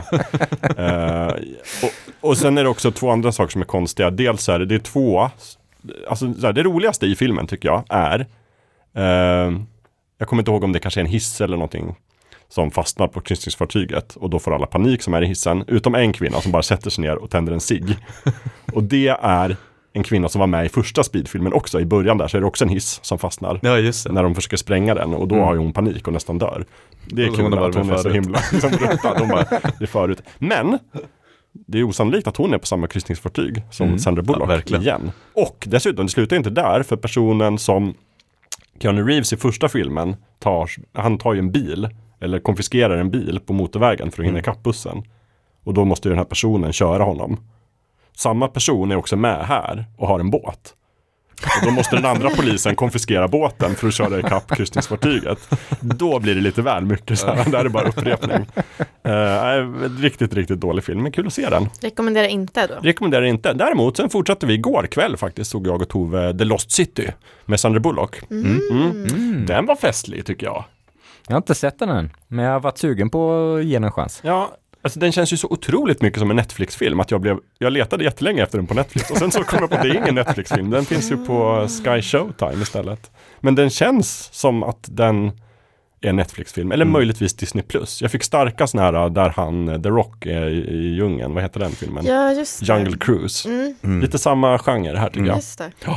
Men, men trevlig och uh, Channing Tatum är ju, Sandra Bullock är ju typ sexnovellförfattare eller, så här, fast, eller kärleksromanförfattare. Mm. Och Och som en han- Harley tandsnusk. Quinn-författare. Exakt, Mm. och Och eh, eh, Channing Tatum är omslagsmodellen. Har han långt hår? Ja, fast det är en peruk. Är, är det Fabio? Japp, det är Fabio. och han är kär i henne och hon är, hon är liksom ledsen för hennes man har dött. Och egentligen är hon ju arkeolog, men nu måste hon skriva liksom tantsnusk istället. Alltså jag tycker typ det konstigaste är att tänka sig honom med långt hår. Ja, men det är bara i början, för sen råkar hon tappa eh, peruken. Sådär, för att hennes, hennes smarta klocka fastnar i peruken. Och, Och så alltså, vis- ja, ah, okej. Strunt samma, för hon vill egentligen inte göra den här bokturnén, men hennes agent vill det. Och han vill ju det, för att Ja, han, han lever ju, han är ju den här karaktären. Mm. Och tror att han är det, fast han är inte det. Och sen så blir Sandra Bullock kidnappad av Daniel Radcliffe, Oj, som är typ mediamogul, som också är arkeologiskt intresserad och vill hitta en gömd skatt. Och hon är den enda som kan översätta språket. Såklart. Ja, det är bara så otroligt rolig. Och sen är Brad Pitt med och är Nej. liksom en, eh, en så här, lite taken-kille som bara, jag kan få saker gjorda. Så här, bara, jag har Mm. speciella skills. Äter han samtidigt? Eh, nej. Tugga på någonting? nej, han äter inte en enda sak. Det här är en väldigt alternativ Tomb Raider-plott. Ja, ja, men jag tyckte den var festlig. Och det, man får också säga att Daniel Radcliffe är bra på att spela så här hammig. Ja, Det är synd bara att man alltid tänker att det är Harry Potter som står där. För att han är, eh, att han, det är lite synd om honom. För att han gör det faktiskt väldigt, väldigt bra. Han spelar den här liksom affably evil. Väldigt trevlig fast otroligt ond. Samtidigt som liksom så här, jag kidnappar dig men jag bjuder på vin. klankaka. ja, precis, Och sen har så, varit med i Weird, Weird Al-filmen nyligen Ja, också. den har inte jag sett än, men den är sugen. Den är ju svår att hitta. Nej, den är svår att hitta. Men man, Mm. kanske finns ett lånekort man kan använda. Eh, ja, det var det. Sen har jag fått tillbaka mitt Playstation 5 från uh, verkstaden i Tjeckien. Eller det har varit ett nytt Playstation 5, men den är tillbaka i alla fall. Eh, så nu har jag börjat spela Marvel Midnight Suns. Mm. Mm. Den här Mm. XCOM-doftande. Mm. Mm. Sådär. Kluvna känslor, jag gillar det. Men det är också väldigt, alltså det blir lite överväldigande för det är så otroligt mycket att göra. Det är så här verkligen ett modernt spel i att man ska göra, det är inte bara fight utan man ska också levela upp alla karaktärer och så ska man hitta attack essence och credits och så måste man liksom samla målningar och bygga friendship med alla i teamet och typ hitta olika aktiviteter man ska göra och hitta olika presenter som man ska Mm. ge till alla. Det är lite så här Stardew Valley fast i Marvel-världen. Lite som man blir lite matt. Jag blir matt. Ah, Jag blir matt. Jag tänker så här, jag hinner spela en battle innan jag går och lägger mig. Och sen så bara, ja, fast innan jag gör det så måste jag ju, men det är kvällsaktiviteten, jag måste bestämma vem jag ska se film med den här kvällen. jag ska gå runt i skogen. Och sen, och sen, jag vet inte, jag gillar inte det lika mycket som XCOM för hela stridssystemet är också kortbaserat. Att man så här, har olika attackkort. Och det tänker jag är enda sättet att göra superhjälte-fighting-spel på. Nu för. Ja men det, det är väl rimligt för de har så olika superkrafter och sådär. Det är Mm. svårt att göra som XCOM. Men ändå, det är inte riktigt min stil. Och sen hela spelet heter ju Midnight Suns och det är ju den här superhjältegruppen som är typ lite mer övernaturligt Mm. kunniga. Alltså typ Doctor Strange och Magic och Blade och eh, Sister Grimm och de här. Och det tycker jag är ett jätteroligt koncept. Att nu handlar det om ockult och mörk magi. Men de kan liksom inte låta bli och de slänger också in Iron Man och Ja. Captain Marvel och Spindelmannen och. Wolverine. Bara för att men vi måste ju ha med de populära figurerna. Mm. Och då, det bara så här, nej, vi behöver inte ha med Iron Man i alla spel. Jag skulle vilja se bara liksom häxgänget. Mm. Mm, men det är väl Marvels gissel lite. Som att Disney kan inte göra Star Wars utan Skywalker. Nej, nej exakt, ja. Mm. Men däremot så en gång i tiden var ju Iron Man en nobody och sen släppte Mm. de en jättebra film.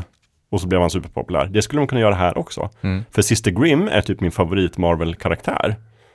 För att hon är liksom blodmagiker och kan dra fram sin trollstav i magen. Och eh, staven funkar bara en gång per spell. Så att man måste hela tiden hitta på nya formuleringar. nya saker. Oh.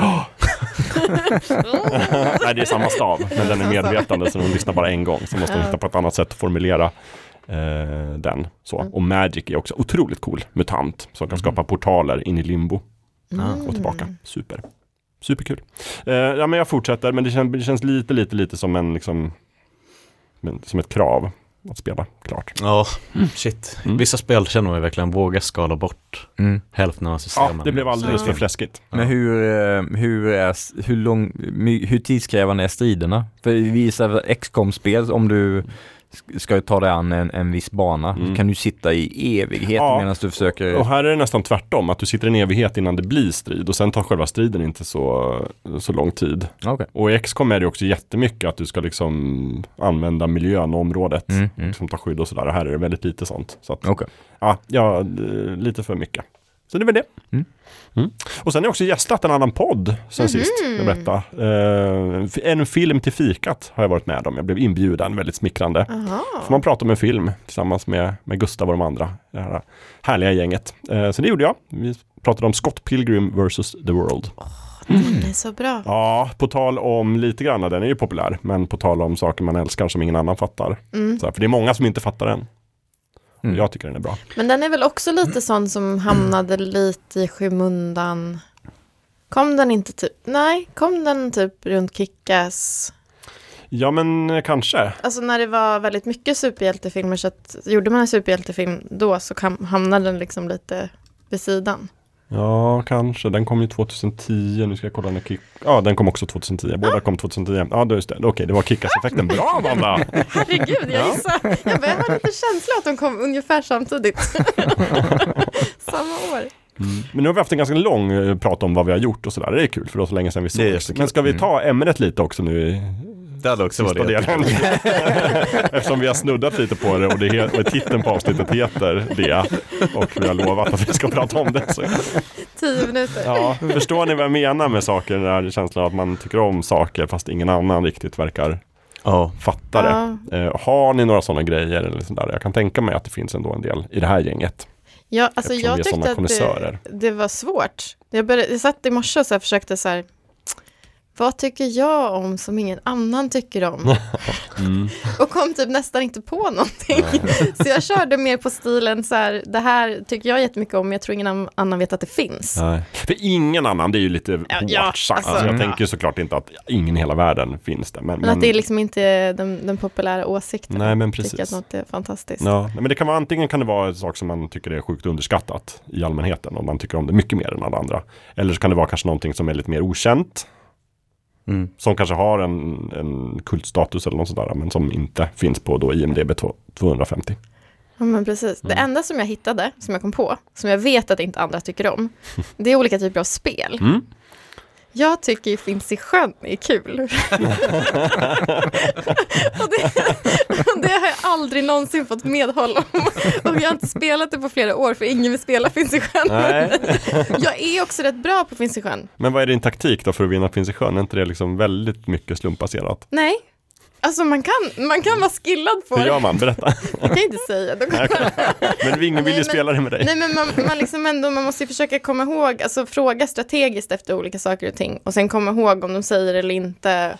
Och sen så titta på typ hur de ser ut när de plockar upp kortet, för ser de väldigt smirky ut, då får, har man antagligen fått någonting som man frågade efter. Ja, det som är senaste poker, gångerna. det handlar egentligen om att spela människan. Ja. Ja. Mm. Det. Håll utkik efter en smirky look. Och så får man så här försöka, och så ibland så sitter man också och håller på kort tills personen antagligen har fått många av det kortet. Typ. Och då, Då kan man slå till. då tar man alla ens två år. Ja, Ja. precis. Men och också typ, samma sak där, jag tycker också Yatzy är jättekul. Men det brukar inte heller folk tycka är så Men jätteroligt. Yatzy är, så här, det är väl verkligen en liksom, eh, vattendelare. För jag Mm. tänker mig att det finns några bitna folk som älskar Yatzy. Jag hatar Yatzy bara för att jag är så dålig på matte. Jag orkar inte räkna. Nej men jag brukar spela med folk som räknar åt mig. Alltså jag, det är inte jag som räknar ut poängen, jag bara slår. Slänger ut tärningen, vad fick jag nu? Men vad är det du tycker är roligt med det då, måste jag fråga. Men kan, kan här, Kasta ja, tärning det, blir kul. fy, det blir fyror, men sen så räknar en annan ihop fyrorna och skriver Ja. upp det. Nej, Men, ja, det men är det inte där- så att man måste välja då vad som är det mest fördelaktiga? Jo, ja. Gör de det också åt dig? Ibland. Men, så vad gör du i spelet? Slår. och så väljer jag vad jag ska ta. Nej men det är ändå Du skulle vara jättebra i som team Yatzy då, ett la- lag, två personer. En gång så fick jag Yatzy tre gånger på samma liksom, spelrunda. Mm. Det är bra, Det eller brukar hur? du berätta om så fort det blir av ja. Det brukar. Ja. Nej men man måste ju ändå vara lite så här strategiskt om så här, först får man ju satsa på ett till sexorna och så får man Mm. se till att man ligger över, vad är det man ska ha, tre av allting. Alltså, jag, jag, blir, jag blir uttråkad över. bara jag hör. Och så, så vill man ju liksom, man vill ju spara Yatzyn så länge som möjligt för att det kanske blir Yatzy. det är väldigt sällan som det blir det. ja, ni hör ju. Jag känner också att jag inte fick medhåll av någon av er. Men Amanda, jag säger så här, när du blir gammal och det är Ja. dags att flytta till ålderdomshem, då hoppas jag verkligen att du kommer på samma avdelning som någon annan som också gillar Alltså- Yatzy. För då kan ni sitta där. Tänk vad mycket. Yatzy och finns i sjön Ja. och skitgubbe jag kommer Ja. kunna spela då. Du kommer frodas. Absolut. Och då kanske också så här, mitt sista spel, eh, Cluedo. ah, Men det är väl... mm, där är vi med. Ja, Där är det ni med. Det är vi spelar, jag spelar gärna Cluedo när som helst. Ja, för det brukar också vara lite så åh gud, kan du inte komma på något bättre spel? Mm, men det är alltså, mm, Cluedo är ju mekaniskt sett är det ju ett värdelöst spel. Därför att har man väl fattat hur man ska göra så är det bara att göra det och sen har man vunnit. Ja, Det finns ju ingen liksom, alltså det är alltid den här balansen mellan taktik eller slump. Mm. Men Mm. Cluedo är ju verkligen nästan ingen slump. Om man bara börjar göra rätt direkt. ja, ja. Vad har du för hemligt knep när du spelar Cluedo? Mm, det finns inga hemliga knep, det är ju bara så här systematiskt gå igenom så här, vad är kombinationen, vad är rummet, personen och vapnet. Mm. Det är bara att gå runt systematiskt och lista ut. Till slut så kan man bara se på listan att ja, det måste vara det här. Mm. Den, som gör det snabbast vinner. Mm. Ehm, Men man vill ju heller inte avslöja, för vissa saker man gör kan ju göra så att andra människorna bara, aha, det är det, nu vet jag att det är just det, ljusstaken. men då får du inte se så smörkig ut när du frågar från honom. ja, det är ju att jag inte har någon pokerface då. Men är det inte i den här, uh, vad heter han?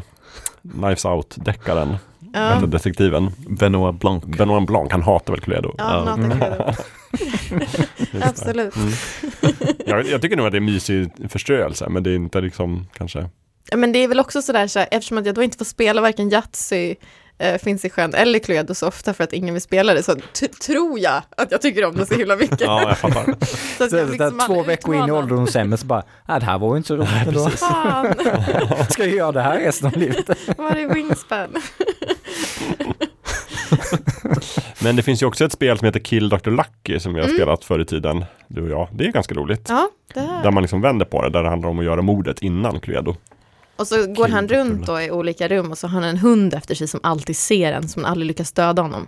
Varenda gång man ska försöka döda honom så typ så här, "Åh, han snubblade på en tråd så att du missade med kniven. Så här. Väldigt så. Man måste döda Dr. Lucky Aj. när ingen annan spelare ser, så ingen annan får Inte vara i rummet, hunden. inte heller hunden. Och sen så måste man slå högt på tärningen därför att han har sån tur hela tiden. Mm. Så att man måste liksom bygga upp attackerna, bli hårdare och hårdare. Så att till slut så kan han inte liksom. Det är alltid så här att han, han. duckar precis när man ska skjuta honom eller hans, Men Ja. då har man en kniv. På. ja då har man en Ja. kniv och sådär. Så Men så är han helt ovetandes också. Mm. Man, bara, man kan ju tycka att om någon försöker mörda dig i ett rum, då Ja. skulle du se Nej, han personen. märker ingenting. Men eh, det, det gör han inte. Okej, så lite tråkiga brädspel då som Ja, ja, de tycker jag är roligt. kortspel. Men där har jag en, eh, eh, en motsatt. Jag, jag trodde i typ två månader att jag var den enda i Sverige som inte tyckte att eh, med andra ord var det roligaste som Ah. fanns.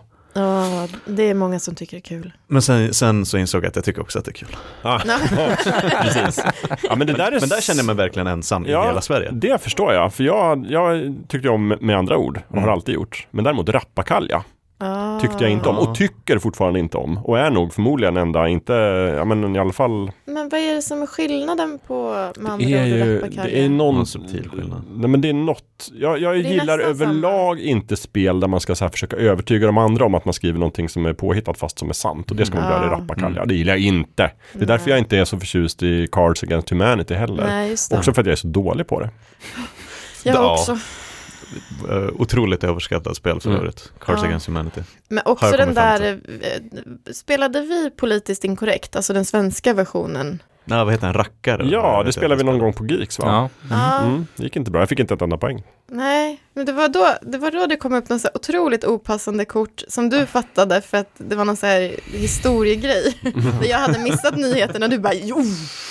Bara, vad är det som är dåligt? Och så var, var det typ någon snubbe som hade blivit så här åkt dit för pedofili eller någonting. Jaha, jag, vet inte, det ja, var någon ja. liksom, just den kombinationen. Men vi spelade också en gång ute Amanda på någon AV, någon variant med Meme. memes. Ja, Against Humanity memes. Och Alessandra som gästade oss här och pratade Sims fick alla poäng. ja gud. Alltså det var, vi, Alltså det var, varenda poäng. till slut försökte vi välja liksom saker som vi trodde att hon inte hade sagt, Ja. eller liksom inte hade valt, men Nej. så var det hon, hon som kammade hem Ja. allt. Ja, precis. För till slut börjar man tänka systematiskt, men då måste jag lista ut inte vilken som är bäst. Roligast. Utan vem, vem har Alessandra gjort? Och Ja. försöka liksom spela mot henne. Exakt. Och det gick ändå inte. Nej. Men, det, men jag tycker bara att det faller på att, jag tycker att det är ett dåligt designat spel. Ja. För att det är så ojämnt, att man kan sitta med tio kort som bara är jättetråkiga. Mm. Och så är det är alltid den som lägger mammas dildo som vinner. Mm. Ja. För det blir, Eller den här eh, three dicks at the same time. jag menar, kortet. det, alltså det blir Mm. verkligen så eh, kiss, bajs och naket. Ja, Ja. För, för det blir det mest liksom, alltid den grövsta liksom. Ja. Det är så lätt att det blir det, speciellt om man dricker öl och spelar. ja, ja, exakt. Men det är också det, man måste ju då dricka mera för att ha roligare. Ja. Mm. Det blir en slippery slope. Men ja, där, ja, där hade jag också verkligen en insåg att så här, det är jättehypat men jag tycker verkligen inte att det är ett bra spel. Nej. Ja, Det blir snabbt tråkigt. Vad oväntat att, det- att det var så mycket brädspel och grejer. Ja. Nu bara, men jag, gillar det. Jag gillar. Vattendelare. Men för mig är det annars väldigt mycket, vi sa ju det innan vi spelade in, att kanske, som du sa Jakob, det handlar väl inte om att bokstavligt talat vara den enda Nej. som tycker om någonting, eller vice versa. Men att det kan vara att i sin kompiskrets så är man den enda. Eh, Jag försöker fortfarande över, alltså de flesta av mina kompisar här i Stockholm tror ju fortfarande att jag håller på med något långdraget skämt när jag säger att Avatar 2 var en bra film. Ja. jag har fått den, att de verkligen har vet så här, men mellan dig och mig visst. Du, skämt, du skämtar. väl? Mm. Nej. Nej det gör jag inte. Jag tyckte om Avatar 2 jättemycket. För de har inte den här Pandora-effekten. De blir Nej. De har inte blivit deprimerade över att de inte Men- kan vara där. Och grejen är att jag förstår nästan var de kommer ifrån för att samma sak som jag gjorde med er. Jag hypade upp Avatar 2 i ett år innan den Mm, släpptes på gjorde du. bio. Mm. Och var så här, den kommer att tjäna så mycket pengar på bio. Den kommer... Ja. Ehm, så att nu tror de att jag, eh, jag kan inte backa. Nej, precis. Just det. Ja, ja, Du har ja. målat in Mm. Jag har målat in mitt hörn nu så jag måste tycka Mm, om den. Men du är genuin. Jag vet att du inte tycker om den egentligen. Men vi, men, men vi som är här i podden och framförallt vi som lyssnar på podden, Mm. vi vet ju att du är genuin. Jag är Mm. genuin. För vi känner ju Ja. dig, vi vet att du gillar den här filmen. Och det Ja. gör ju vi också. Men, Ja. och det, och så, fine, jag kan förstå att man ser den filmen och inte blir liksom eh, wow. Men att nu, själva ämnet som vi pratar om nu, att i många fall så kan det ju vara att man, det räcker med att man pratar med någon och att man får känslan av att så här, såg vi samma film, Mm. Lövet? Mm. Mm. Hur kan du komma därifrån med en sån annan åsikt än, än vad jag har? Ni har ju haft en lite med Bumblebee till exempel. Mm. Ja, det kan Ja, lite också, jag tycker inte lika illa om Venom-filmerna som du Jag tycker ändå de är okej. det, det, det är möjligt att någon annan gillar den filmen, eh, de filmerna lite mer än jag gör, om man säger så. Ja, jo, ja, jo, de flesta kanske. Men ni fattar vad jag menar med skillnaden. För att man Ja. kan ju se filmer eller läsa böcker eller spela spel när man är så här, det här är för mig men jag kan verkligen förstå varför någon Mm. går härifrån och hatar det. Ja. Så känner jag med Death Stranding. Där fattar jag ju att någon kommer att spela det här och tänka vad sämsta skiten någonsin. Mm. Det. Men, men i andra fall så är man ju verkligen genuint förvånad över att någon antingen tyckte om den väldigt mycket eller tyckte att den var dålig. Mm. Mm. Ja. Men i många fall tycker jag att att folk kan hänga upp sig på att någon del av ett verk är dåligt, alltså är verket dåligt. Ja. Mm. Liksom, Och jag kan känna, ja, ja, jag håller med om att just den delen är inte jättebra, Mm. men helheten tycker jag om väldigt mycket. Mm. Och det är som med Avatar och Avatar, Avatar 2. Handlingen, berättelsen, Väldigt den är, basic. den är väldigt Basic. basic, Mm. den är inte fantastisk. Men allting runt omkring är ju suveränt, så jag gillar filmerna väldigt mycket, även om jag inte tycker att det är någon narrativ eh, milstolpe på något sätt. Mm. Och så, så tycker jag det med många andra produktioner också, att det, det är någonting som kritiseras och så ho- hoppar folk på den, eh, den bandwagonen och eh, tycker bara, men det här är dåligt, det här är dåligt. Ja men det är inte hela verket, just, just den där egenskapen, den, den är inte, den, hela, hela liksom, det kulturella tillskottet ska inte hänga på den där enskilda egenskapen. Nej. Mm. Visst, man, man kan ju tycka att om det är det viktigaste för en själv så kan man tycka, ja men det, jag gillar inte den här på grund av att det där är dåligt. Men många fäster sig nog lite väl mycket vid att just den där saken kritiserades och, och titta inte på, men hur känner jag för, för allt annat. Mm. Mm. Om det inte är slutet vill jag bara flika in. Ja, För där, kan där kan jag köpa det, att om, om, om slutet verkligen faller pladask så kan det sabba det som annars var en väldigt bra film upp till den punkten. Mm. Mm. Om, Om det inte är en trilogi, för då tycker jag inte att ett slut Det är inte riktigt ett slut. då får man ändå, då, I sådana fall Då är tredje filmen slut. då. mm. Ja. Om det Ja, inte men- kommer en uppföljartrilogi för då Ja, Ja, exakt, precis, exakt. då Ja. ändå. Då kan ju inte den sista trilogin förstöra den. Om det kommer en prequel-trilogi då efter trilogin, Mm. kan det förstöra slutet på en Nej. Nej.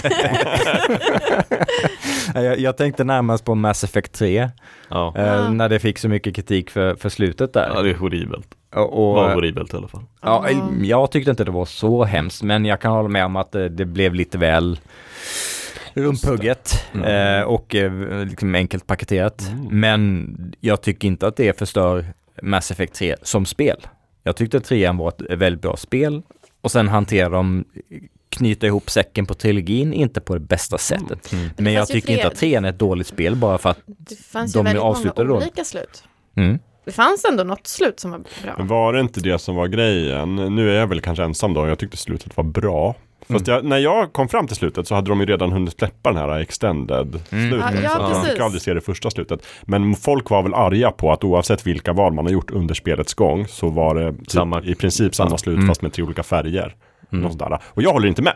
Nej, Jag det var olika. väldigt olika slut. Det var olika. Jag kollade, Ja. jag tror att jag, tror jag youtubade också så att jag fick se alla Ja, slut, alla möjliga det. slut. Det ena var grönt, det andra var Ja. blått. Nej, men jag, jag Men det tycker att det var olika. Sen hade det inte så stor praktisk betydelse såklart. Men jag upplevde aldrig att om jag gjorde så här, vad är det, Renegade eller Parama, Paragon. Paragon, valen, Ja. att det skulle så här, det måste påverka hur galaxen liksom fortsätter efter det här stora kriget. nej. Det var jag aldrig liksom inställd på. Jag tycker att det är fullkomligt rimligt. Ja. Och jag är mer intresserad av nu om de ska göra flera Mass Effect-spel Mm. så kommer det ha jättestor betydelse om eh, maskiner och, Mm, män, och organiska varelser, om de är hybrider eller om de är döda.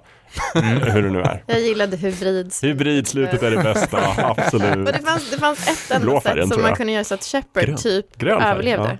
Mm. Ja, och det gjorde jag. För då måste man maxa, det är också den här, man måste maxa ett friendship med alla. Men det är också, jag får så starka Mass Effect-vibbar i Midnight Suns. Det märks att de har tittat på det så otroligt mycket. Mm. Därför att så här, man är ju en ny karaktär för spelet som heter Hunter som är återuppväckt efter typ 300 år och är Mm. jättebra på trolldom. Och alla älskar den. Mhm. Även om de är så här, man, de har ju friendship noll från början. Man måste Mm. prata med dem mycket och spela kort med dem mycket. Hej, vad heter och bjuda du? på popcorn och sådär. Men de är alltså någonstans så bara, du är fantastisk. Men jag tänker vara sur på dig. Men det man är så otroligt älskad. Och sen Fast också de måste vinna och någons du är också snäll och ödmjuk, jag älskar dig, säger de sen. Liksom. Så vill de bara vara Det med. kanske är Berätta superkraften. mer, jag Ja, hör berätta mer. Och det är lite så som folk ser på Shepard också tycker jag ibland. Ja. I alla fall i tredje spelet. När han är legend. Och det kanske jag köper. Det är lite mer organiskt och bättre Mm, i mm. Mass Effect. Mm. Men jag vet, jag är sån gubbjävel. I mitt fall så är det att jag är glad att Mass Effect 3 och Mass Effect 2 inte sabbar. Jag kan fortfarande njuta av ettan. Just det, ditt favoritspel. Ja. Tyckte ni att Mass Effect Andromeda sabbade? Jag ty- det är ett av de sämsta spelen jag har spelat i. Jag har Jag har inte spelat spelat det. klart det. Jag har spelat klart det. Det buggade var också inte så jättemycket. Jag hamnade jätteofta mitt i folks huvuden. Mm. Så, så här, höll på att glitcha. Åh nej, så och då kom dina nej, du får inte se huvudet. Det, det var för immersivt. Jag bara, nej, händerna! Just det, Jag måste se kroppen utanför. Just det. Du är känslig för liksom clipping error. Mm, det går in i vägg också. Ja, nej, det var eh, misslyckat spel med, med kanske inte så mycket potential egentligen. Mm. Men man var ju sugen på mer Mass Effect när det kom. Mm. Mm, och så föll det platt. Mm. Men jag blir faktiskt, och det är oskärmigt, men jag blir, jag blir lite arg varje gång jag läser en kommentar av typen, det var inte så dåligt. Mm. Jag spelade, jag spelade om det förra året. Det är trevligt. Helt okej. Då blir jag arg när jag säger det alltså. Det var inte så dåligt. Ja, men det, var ju, det var ju inte det sämsta spelet som någonsin har gjorts. Nej. men det var ju liksom en sån, det är väl snarare det här, det här leder mig in på ett exempel som jag har snart. Men just här, se, om man betraktar det i ett vakuum och inte har spelat trilogin så är det ju ett, ett liksom två av fem spel. Mm. Inget speciellt. Men det är inte liksom provocerande dåligt. Men däremot som en del av den historien. Mm. Är det inte så? Eller är jag helt ute och cyklar? Det är, är det, nej, jag ser dig Gustav. Du tycker att det är objektivt sett det sämsta spelet som har gjorts. Jag ser det i dina ögon. Okej, just det, vi släpper det. Men jag tycker det är konstigt också att, att det är så likt i Andromeda-galaxen hur det är i Vintergatan. Ja. Så det, vi har också affärer. Vi använder också credits. Ja, men dyka upp från en helt annan galax. 2,2 miljoner ljusår senare. Bara, Det är väl ungefär samma. Ja, det är faktiskt magstarkt. Alltså verkligen. Det är Man som att kommer- åka från en Stockholm annan till galax. Göteborg. Så här, Ja. bara, Det är lite annan dialekt men det är typ samma grej. Exakt. Dyker upp till någon Ja. främmande livsform. Ah, ska du köpa något eller? Ja. Bara, Jag har precis kommit hit från en annan galax. Så- sån. De använder samma monetära system ungefär. Så här, bara, "Ah." Ja. Men det kanske är universums eh, universalregel. Det är så det ska fungera. Kapitalismen Ja, men- är samma. ja. Finns överallt. Just det. ja. Ja. för vi pratar mycket om nu hur vi hatar saker som ingen andra verkar gilla. Det är, också- det är kul förstås. Får jag kontra nu när jag var så Ja, det otroligt får du. bitter? Det går bra. Eh, eller vill, var du precis på? Nej, men jag kan ta det sen. Eh, för jag har ju väldigt mycket där när man blir förvånad, när man säger jag trodde att alla älskar den här filmen. Och så upptäcker man sen att uh, Hook var inte alls, det var lite av ett fiasko. Ja, just det. Tänker man, är den fan, gamla favoriten. fan var det för fel på folk där på 90-talet. Eh, jag är lite samma med diverse romcom-filmer. För ett par avsnitt sen så nämnde jag ju eh, How to lose a guy in 10 days Åh, med Matthew McConaughey och men Kate den Hudson. är ju bra. Den är bra eller? Eller ja? Ja. Men den har inte vunnit några priser. Nej, Snarare nej. tvärtom. Eh, men, Men du vet, den är väl skär, då han, det är, ju- den är charmig. den är charmig. Ja. Men den är också liksom det, jag förstår ju också att det är ju inte den typen av romcom som bryter barriären och blir en uh, fyra bröllop på en begravning. Nej. Så bra är den inte. Eh, men eh, en specifik som jag vill nämna för att den går så snyggt i liksom fallande skala. Att om Indiana Jones på något sätt är vedertaget mästerverk. Mm. Under där någonstans så finns ju National Treasure med Nicolas Cage. Som folk ändå är så här, vi är väl överens om att det är inte en dålig film. Liksom. Älskad på något sätt. Men sen tappar, jag, sen tappar jag typ alla när jag vill gå ner ett steg till. För jag tycker så mycket om Sahara med Jaha, Matthew. McConaughey. Var Trodde du skulle säga jag trodde Tomb Raider? Jag trodde du skulle säga den vilda jakten på stenen. Nej men den älskar jag. Den älskar jag också. Eh, och, sen, och sen om man vill följa med mig ett steg ner från Sahara och kanske också den här Fool's Gold. När Matthew McConaughey och Kate Hudson spelar mot varandra en gång till. Ja. Det finns ju två. De har egentligen ingenting med varandra att göra. Det är bara att Matthew McConaughey spelar samma Indiana Jones-karaktär i Ja. båda två. Men sen så följer man med mig ner till Angelina Jolie Tomb Raider-filmerna. Mm. Och där var jag verkligen chockad när jag växte upp och upptäckte att folk inte tyckte att de var särskilt bra. Men de kommer jag Ja. också ihåg som att jag tyckte de var väldigt bra. Mm. Ja, Jag har ju sagt det tidigare i podden, men uh, Tomb Raider 2, The Cradle of Life, Mm. somnade jag ju till i bion. Men vänta, är det inte någon, är, vem är det som, Det är skur, vem är, det som är skurken där? Han är väl jättesnygg? Hines är skurken i tvåan. Han som spelar Mans Raider i Game of Thrones och Ah. Inte supersnygg. Det var någon supersnygg som Det hade var vaken någon alltså. som var supersnygg. Ja, annars hade du också Alltså somnat. Gerard Trean. Butler Ah, är ju ja, med i tvåan ja, också, mm. någon typ av Det mittemellan, halvskurk, ja. halv... eh, Ja, det det. Men jag tycker väl Det att, att Tomb Raider själv är snygg. Alltså Angelina Jolie. Mm, Mm. mm. Men om Ja. man tittar i första Men filmen. det räckte inte för att hålla mig vaken. Nej. Jag var vaken första filmen. Ja, ja jag kommer jag såg första film bio. Det jag, det jag minns från, från bioupplevelsen var att eh, jag eh, himlade med ögonen när hon boxade till hajen. så jävla dåligt. Men det, det har jag också pratat om i tidigare avsnitt att det är lite som mina så här guilty pleasures. Mm. Mm. De är inte bra, men jag gillar dem ändå Ja. av jag någon anledning. på att kolla på dem. Jag med! Kanske. Kanske, är det nu. Efter Speed och Speed 2 så blir det Tomb Raider och Tomb Raider 2. Men det finns väl en trea också? Nej, men det finns ju en, ny, en remake med Mm. Alicia Ah. Vikander Jo, men- som, ja, som nya Tomb Raider. Den Det var väl... Och, ja, Den har jag inte sett. Ja, okej. Okej. Den, är, Mm. den är stabil men inget Ja. fantastiskt. Nej, Sådär. rätt li, lite lik spe, första spel. Nej, Ja, lite åt det det, det ska ju vara den här eh, reboot 2013 precis. där, där man får se hur hon blir. Mm, där den hon den ja, unga precis. Lara Croft. Mm. Sådär. Så, ja, habil. Mm, ja. Angelina Jolie, Tomb Raider, bättre. Ja. Hon boxar inga hajar här. Fast, men okej, men för Tomb Raider kanske inte riktigt, riktigt gills. För att dagens tema är igen, Guilty Pleasures är något, annat, för då vet man ju att Mm. det här är inte... Ja, nå- någonting så. Ja. Ja. Men jag tycker om den då. Mm. Fast jag, jag borde veta bättre, Mm. typ. Eh, men, men om man ska gå på de här där man genuint blev förvånad över att de inte fick särskilt bra betyg. Så är det ju, ja, jag förstår ju Tomb Raider-betygen. nu i efterhand. Och nu när jag ser dem så här är de med Guilty Pleasures. Mm. Men, eh, men jag var genuint förvånad första Mm. gången jag hörde att Tomb Raider 2 The Cradle of Life inte hade fått 95% på Rotten Tomatoes. Liksom. Ja. Mm. Och samma med ett gäng eh, tecknade filmer som du och jag diskuterat Mhm. tidigare Jakob. När man är så här, hur fan kunde Atlantis och Skattkammarplaneten inte? Ja, och det kommer vi återkomma till Ja. igen då framöver, de filmerna. Men det är ju, och det, men det är också sådär, man kan ju se, alltså Atlantis speciellt tycker jag, man kan ju se, jag kan ju, jag kan ju både förstå varför den är bra, men också varför den inte slog. Och det kan ju bero på olika, dels av hur filmen är och dels när den kom och hur den marknadsfördes Mm. och så vidare. och så vidare. Men, men eh, lite förvånad blev jag ändå att, att den inte slog. Ja. Ja. Vad skulle du säga Jakob Nej tidigare? men jag hade ju en film också där man ser, jag vi pratade om Mass Effect där och hur den liksom, det är svårt att följa upp en sån hyllad trilogi. Mm. Och jag har ju en av mina favoritfilmer ska jag säga, är eh, filmen 2010, The Year We Make Contact, från år 1984. Som ju är uppföljaren till filmen 2001 av Stanley Kubrick, ansedd som en av liksom världens bästa filmer, Mm. ansedd som ett mästerverk, ansedd som liksom en ehm, Den har inte jag sett. att den tänd... Banbrytande. Förlåt, vad sa du? Uh, jag tyckte det lät som att du inte hade sett 2001. Okej. Jakob, kan du klippa in nu när Amanda skrattade åt oss i början? Ja, Jag vill ha en recap på den. Verkligen. Men var ligger 2001 någonstans på IMDB-listan då? 20 någonting. Ja, vi, vi dit. kommenterade att den ligger inte riktigt så högt Ja, som den, inte borde. Den, den är ju ändå så här... och Nu trasslar jag in mig här. Jag vet att jag borde ha sett den, men jag har inte gjort det. Jag, ska, jag, ska, jag borde ta tag i det. Den är på plats 91. Ja, men det hade det tagit ett tag Vad gör den då? innan jag hade Ja, den, den ligger där med ett betyg på 8,3. Mm. Så, men, men den är ju, alltså man kan ju Stanley Kubrick, onekligen en legend.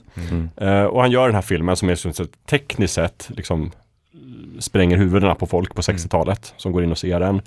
Den är ju liksom banbrytande på det sättet. Den är ju otroligt spännande berättad och det liksom finns alla visuella scener som folk passar jättebra att ta droger till Mm. och så vidare. Så jag förstår ju varför den har sin plats i historien. Och det är så otroligt otacksamt att då liksom försöka göra en film på boken som är uppföljaren till filmen.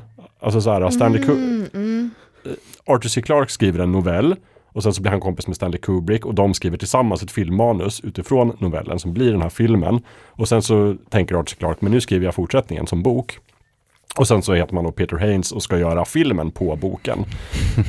Men då blir ju det bara en uppföljare till filmen 2001, vilket ju ingen kan följa egentligen. Och det är därför folk hatar den. Men det är en väldigt bra film. Det är en väldigt bra science fiction-film. Och framförallt tror jag att det är en av de bästa adaptations jag har sett. För det är en så otroligt bra adaptation av boken 2010. Mm. Som ju är alltså så här, vissa av oss, jag till exempel, är inte så i första hand intresserade av liksom den här flummiga slutscenen i 2001 och liksom hur, hur minutiöst scenografin är och så här, utan jag är intresserad av historien. Vad är den där monoliten för någonting? Mm. Vad, vad hände med de här rymdskeppet? Och så där? Och allt det får man ju svar på i 2010. Eller inte allt, men lite. Mm. Jag tycker det är en fantastisk film. Superbra och välgjord och otroliga skådisar. Alltså Roy Schneider är med, Helen Mirren, John Lithgow.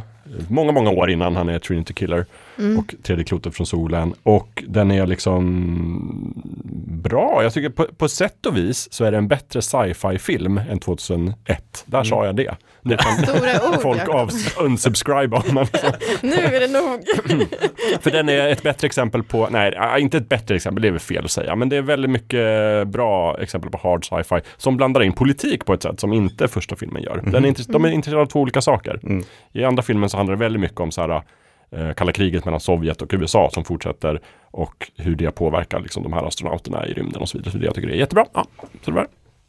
Så är Jag känner det. Men jag känner mig ensam. två här. Jag ska kolla vilket betyg 2010 har på IMDB. Ja. 2010. Den måste vara en av, åtminstone du vet, med tidens tand, en av de mest okända jätteuppföljarna. Ja, Mm. bara det. Den går liksom inte att hitta på streamingtjänster. Mm. Den går knappt att köpa på eh, butik, i butiker. Men den går att köpa. För Den det är har- ju inte, det är ju inte en direkt till DVD-uppföljare. Nej, det är det inte. Den var ju påkostad. Eh, 6,7 har den på Mm. IMDB. Då. Ja. Ja, men det är ändå Mm. ganska rättvist. Tycker Väldigt jag. tycker den ska ligga lite. 7,5 tycker jag den ska ha. Ja. Men ändå en av dina favoritfilmer på 7,5.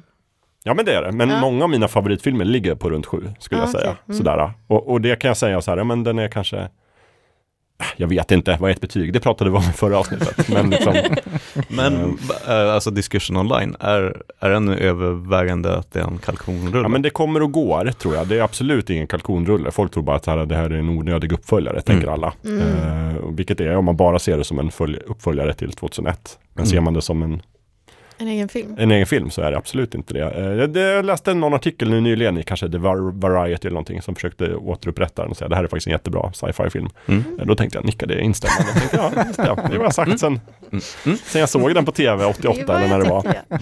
Jag såg den också före 2001 ska jag säga. För att Aha.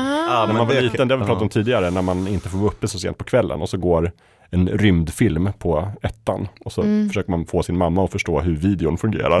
Så man ska kunna spela in filmen så man kan se den dagen efter och sen så spelar hon in fel kanal och så får man se Ja. liksom sena Aktuellt-sändningen istället. Men sen då 2010 då lyckades hon spela in den så den kunde jag se men jag fick aldrig se 2001 förrän Nice. många år senare. Det. Så var det med det. Men, Men ja, eller nej. nej, säg, jag är klar. vid- Nej, Du är helt klar? jag är helt färdig. Ja, för det här med att spela in, du fick mig att tänka på en av sakerna som jag har på min lista.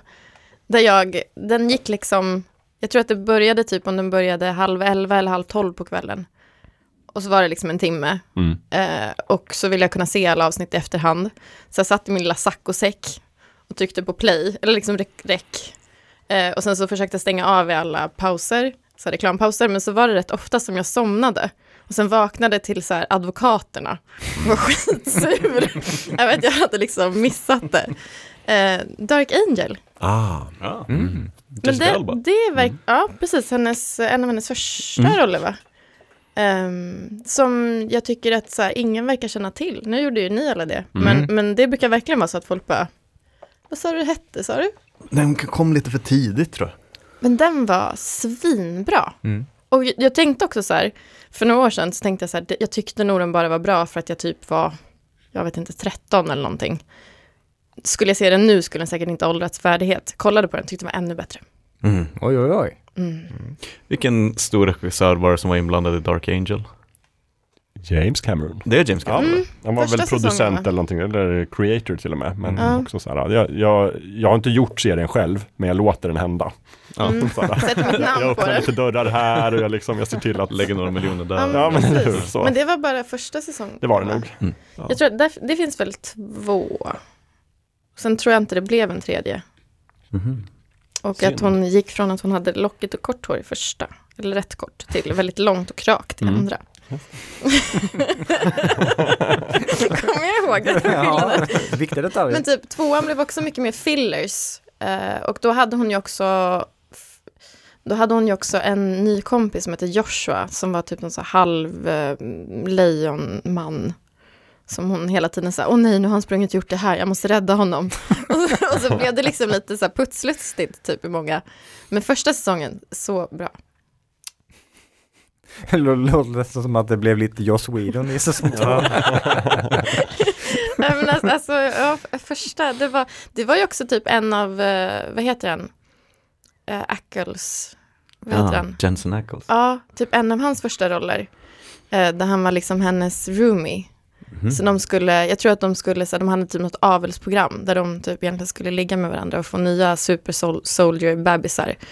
Eh, men de, jag, tror, jag tror de vägrade. men eh, så han är ju med rätt mycket i den också, speciellt i andra säsongen tror jag. Ehm, Jensen Ackles känd från Supernatural och eh, senaste säsongen av The Boys. mm, Mm. Just det.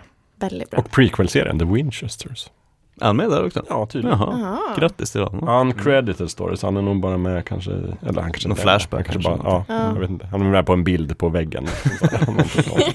Jag. Har inte sett den än, ska jag säga. Nej, inte jag heller. Eh, Jag har inte heller sett klart hela Supernatural. nej, och det har inte jag heller. Och det har framförallt inte Tove gjort som älskar Supernatural. Nej, och jag älskar också Supernatural. Vad är det med? Bästa serien. Men till era försvar kom det väl 22 säsonger innan de... Ja, Ja, jag tror, ja, jag tror att de var uppe på typ 9 eller 11. Mm. Men är det någon som vill dra, ha med något på listan som ni vill dra upp? Över saker ni älskar? Ja, eh, och jag vill ta med ett spel som, det fick ganska bra kritiskt mottagande. Eller jag har för mig att det fick eh, riktigt bra. Hyggligt till riktigt bra mottagande. Eh, men som jag nästan inte har sett det skrivas om någonstans och när jag varit på så här spelträffar med så här gamla spelsajter jag eh, har eh, skrivit för back in the days. Bara, ah, det här spelet och de bara, jag har aldrig hört talas om. Nej, och det är som att du lever i, liksom, vilken värld lever vi i? Vad är det här för kan Det är som i, i den där filmen när man vaknar upp och sen så vet ingen vilka The Beatles är. Liksom. Du bara så? Hur är det möjligt? så googlar du på nätet och hittar ingenting av spelet. Bara, Jag har inbillat mig. Ja, Det är ett eh, Nintendo DS-spel som heter eh, Hotel Dusk Room 215. Aldrig hört talas om. Nej, Nej. samma här. Nej, Det låter väldigt nisch, litet. ja, det, det är ju ganska nischat men det är jättebra. Och det fick Mm. ganska bra betyg eh, för jag, jag minns, jag, jag kollade på den här One Up, The One Up Show. Ja. Eh, Den här speltidningen One Up, ehm, de hade en, en YouTube-serie där de bara satt och pratade om spel. Var det en av redaktörerna ah, liksom, Hotel Dusk, deckaräventyr till, till DS där du ska lösa mysterier med, rita med pennan och så här, Det låter fantastiskt. lösa, lösa mattepussel och lite allt möjligt sådär. Och jag bara, "Mm, ja, men alltså han, han låter ju väldigt entusiastisk runt det. Eh, så jag tänker, ja men jag, jag, jag beställer det och, och testar. Och det är helt fantastiskt bra. Det, det är ett, ett av de få spelen där när jag, när jag upptäckte att okej nu, nu närmar jag slutet, nu har jag inte mycket kvar. Det, jag kanske bara har en timme kvar av det här spelet. Jag vill inte att det ska ta slut, det är så jädra bra. Eh, och, och, och, och det var ju, jag, när jag pratade med andra kollegor och, och andra nördar, så bara, ja, jo, det, det låter väl bra så, men alla talar om det och jag tror inte någon av dem spelade det. Så visst, det spelet har säkert fans, men jag tror jag är ganska ens, jag är helt ensam i min umgängeskrets och alla jag umgått med. Även här då. Ja, alltså, och, det, och det är ju ett spel som, det är ju det är fast på DS, så har man inte en DS eller man har gjort sig av med sin DS så kan man ju inte testa det hen- Mm. igen Nej. heller. Ehm, och det, och det, och det, det, det hade lite så här unikt upplägg för det, du, du ska spela det ungefär som eh, du, du spelar en bok, så du ska hålla DSen vertikalt. Mhm. Mhm. Så det är som det är två sidor på en bok och sen så interagerar du med pusslen på ena skärmen och så ska du titta på det som visas på andra skärmen och så ska du försöka eh, lö- lösa de olika matematiska pusslerna eller eh, länka ihop olika saker med den här stylus-pennan. Eh, och, och dramatiskt temposättningsmässigt är fantastiskt bra. Ehm, Mm. och det, det fick en uppföljare som inte är riktigt lika bra. Ehm, så, så hade, som hade ingen heller känner till. som förmodligen bara jag känner till. spelet som ingen känner till.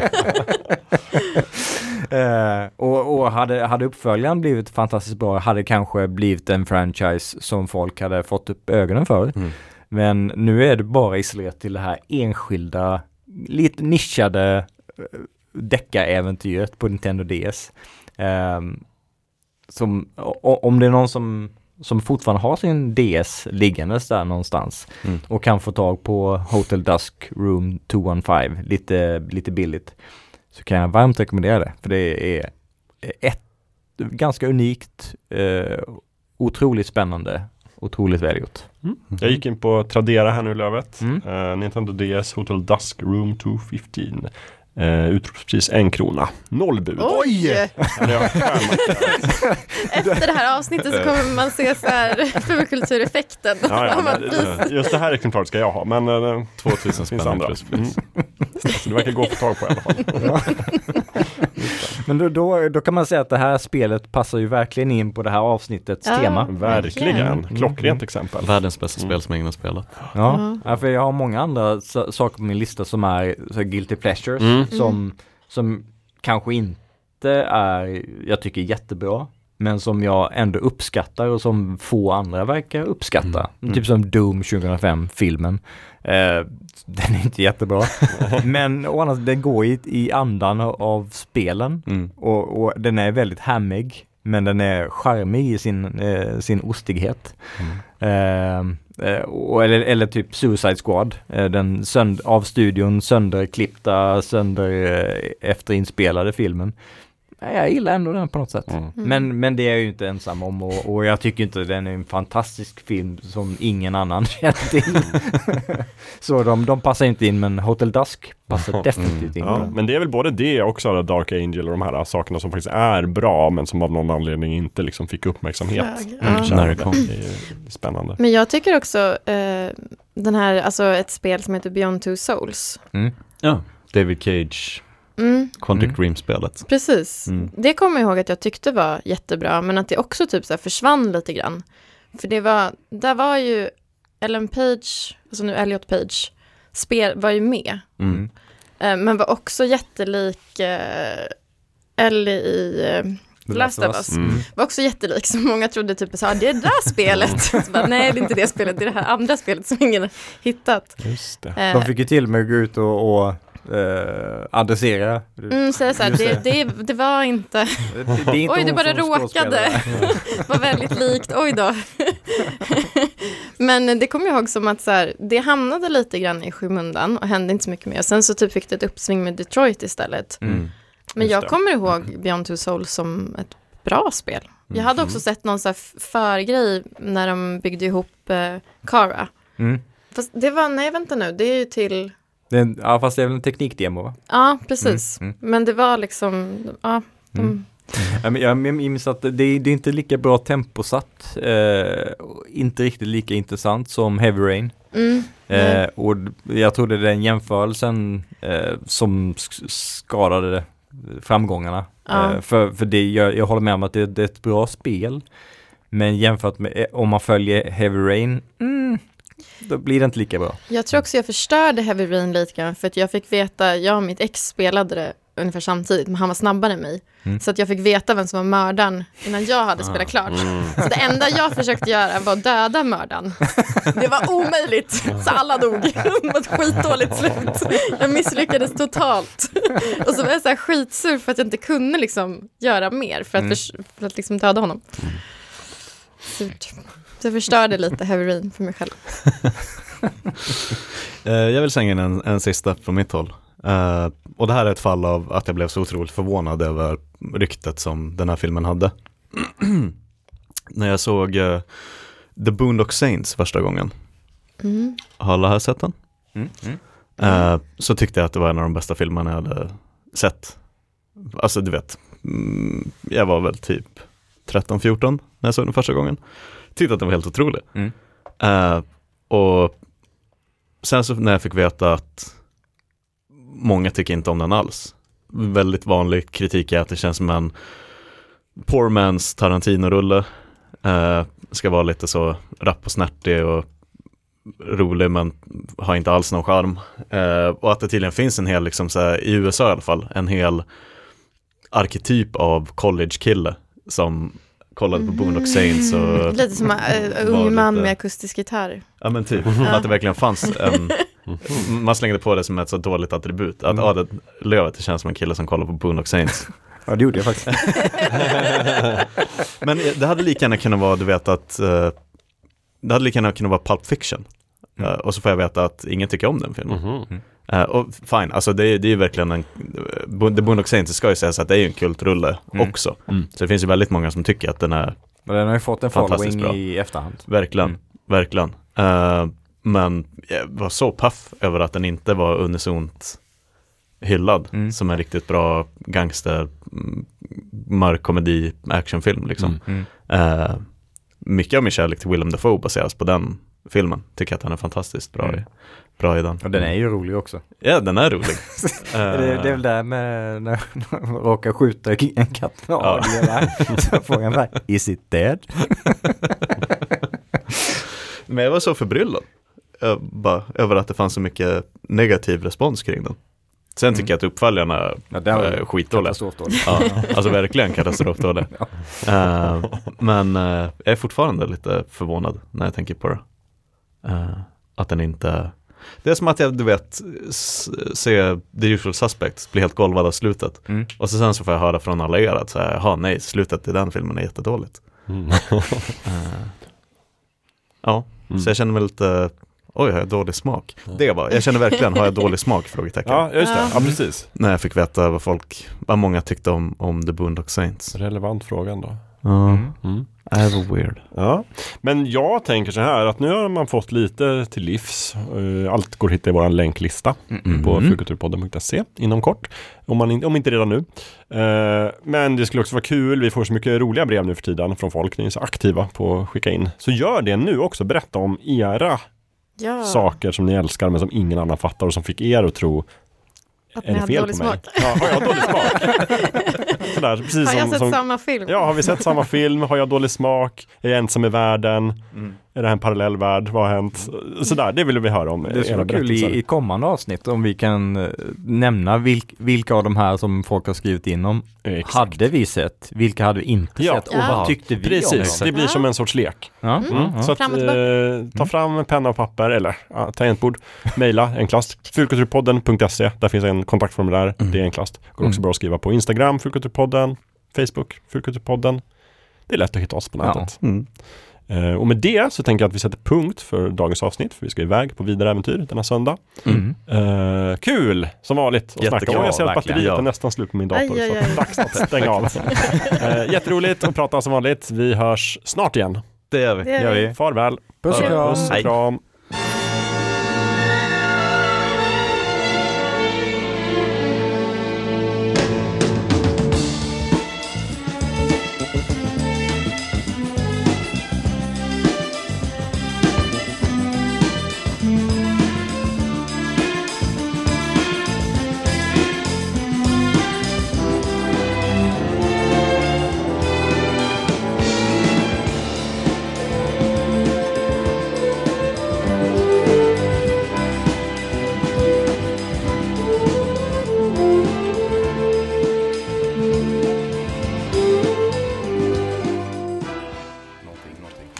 Mig att jag, eh, jag såg något klipp Mm. och pratade om just den processen. Mm.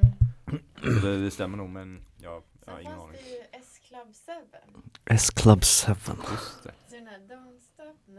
Mm. Ja, jag kan inte se höra skillnad på någon av de där grupperna. Nej, men- ja, det, det skulle Nej, kunna vara kommer- dem, det skulle kunna vara Backstreet Boys. Men och de hade, de hade också, men de hade typ som en sitcom. Där de bodde tillsammans och så, skulle, och så var de med om så knasiga uppdrag typ. Kommer du ihåg det? Nej, tyvärr. Ja, det var innan. Du kanske var för liten. Yes. Pussycat Dolls present the search for the next doll. Den här måste du känna igen. Men hade, hade,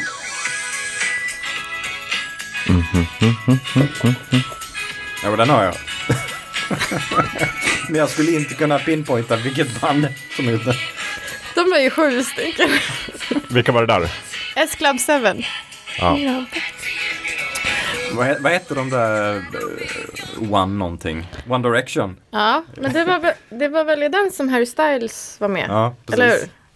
Jag minns när- när en, eh, en, en kompis, eh, för detta chefredaktör för en spelsajt jag skrev för. Han, eh, hans dotter skulle gå på en One Direction eh, konsert i Solna. Och så sa man, eh, ni, ni kan hänga hos mig lite innan, för de skulle komma dit eh, rätt långt innan konserten. Så ja, men ni kan hänga hemma hos mig. Och så satt vi där och, och, satt, och satt och pratade om, och hon, hon var så här, jag tror hon var pre-teen. Eller eh, typ, typ precis tonåring. Ja, Och vi satt bara, men de där One Direction, eh, vad hette de innan de, eh, de fick den här inriktningen? Var det No Direction? Och Hon bara, åh vad ni är töntiga. vi satt så här, pappa, pappa ja verkligen. Bara, Sådär uppskattat. jag bara, är, är det de, där- de där Backstreet Boys eller är det här något nytt band? Hon bara, du, du vet att det är ett nytt band. Ja, just var man kan inte inte... Det fanns ju också de som hette typ Blue. Just det. Blue eller Blue? Blue. Blue ja. De gjorde någon eh, låt med Elton John. Mm. Typ cover. Sorry's the... Sorry seems to be the hardest word. Det är ju en Elton John-låt som jag gjorde en cover på. Mm. De minns jag inte överhuvudtaget. Jag kom, men de var, typ, de var typ tre snubbar från London. Ja, okej något nu är jag med. Mm. Jag tänker bara på den här låten Blue, där var Mm, de. Med Eiffel, Eiffel 66. Ja, Annan grupp. Beep, beep. Nu är jag med själv. det kanske var de Halv. som... Visst låter det bra? Har du spelat in oss en massa nu? Jag kommer, Ja, men jag måste ju fixa ljudet. det kommer bli Eskalab Seven som startar. Jag måste ju skruva in volymerna. Jag kan inte hjälpa att ni pratar hela tiden. Snackas massa strunt.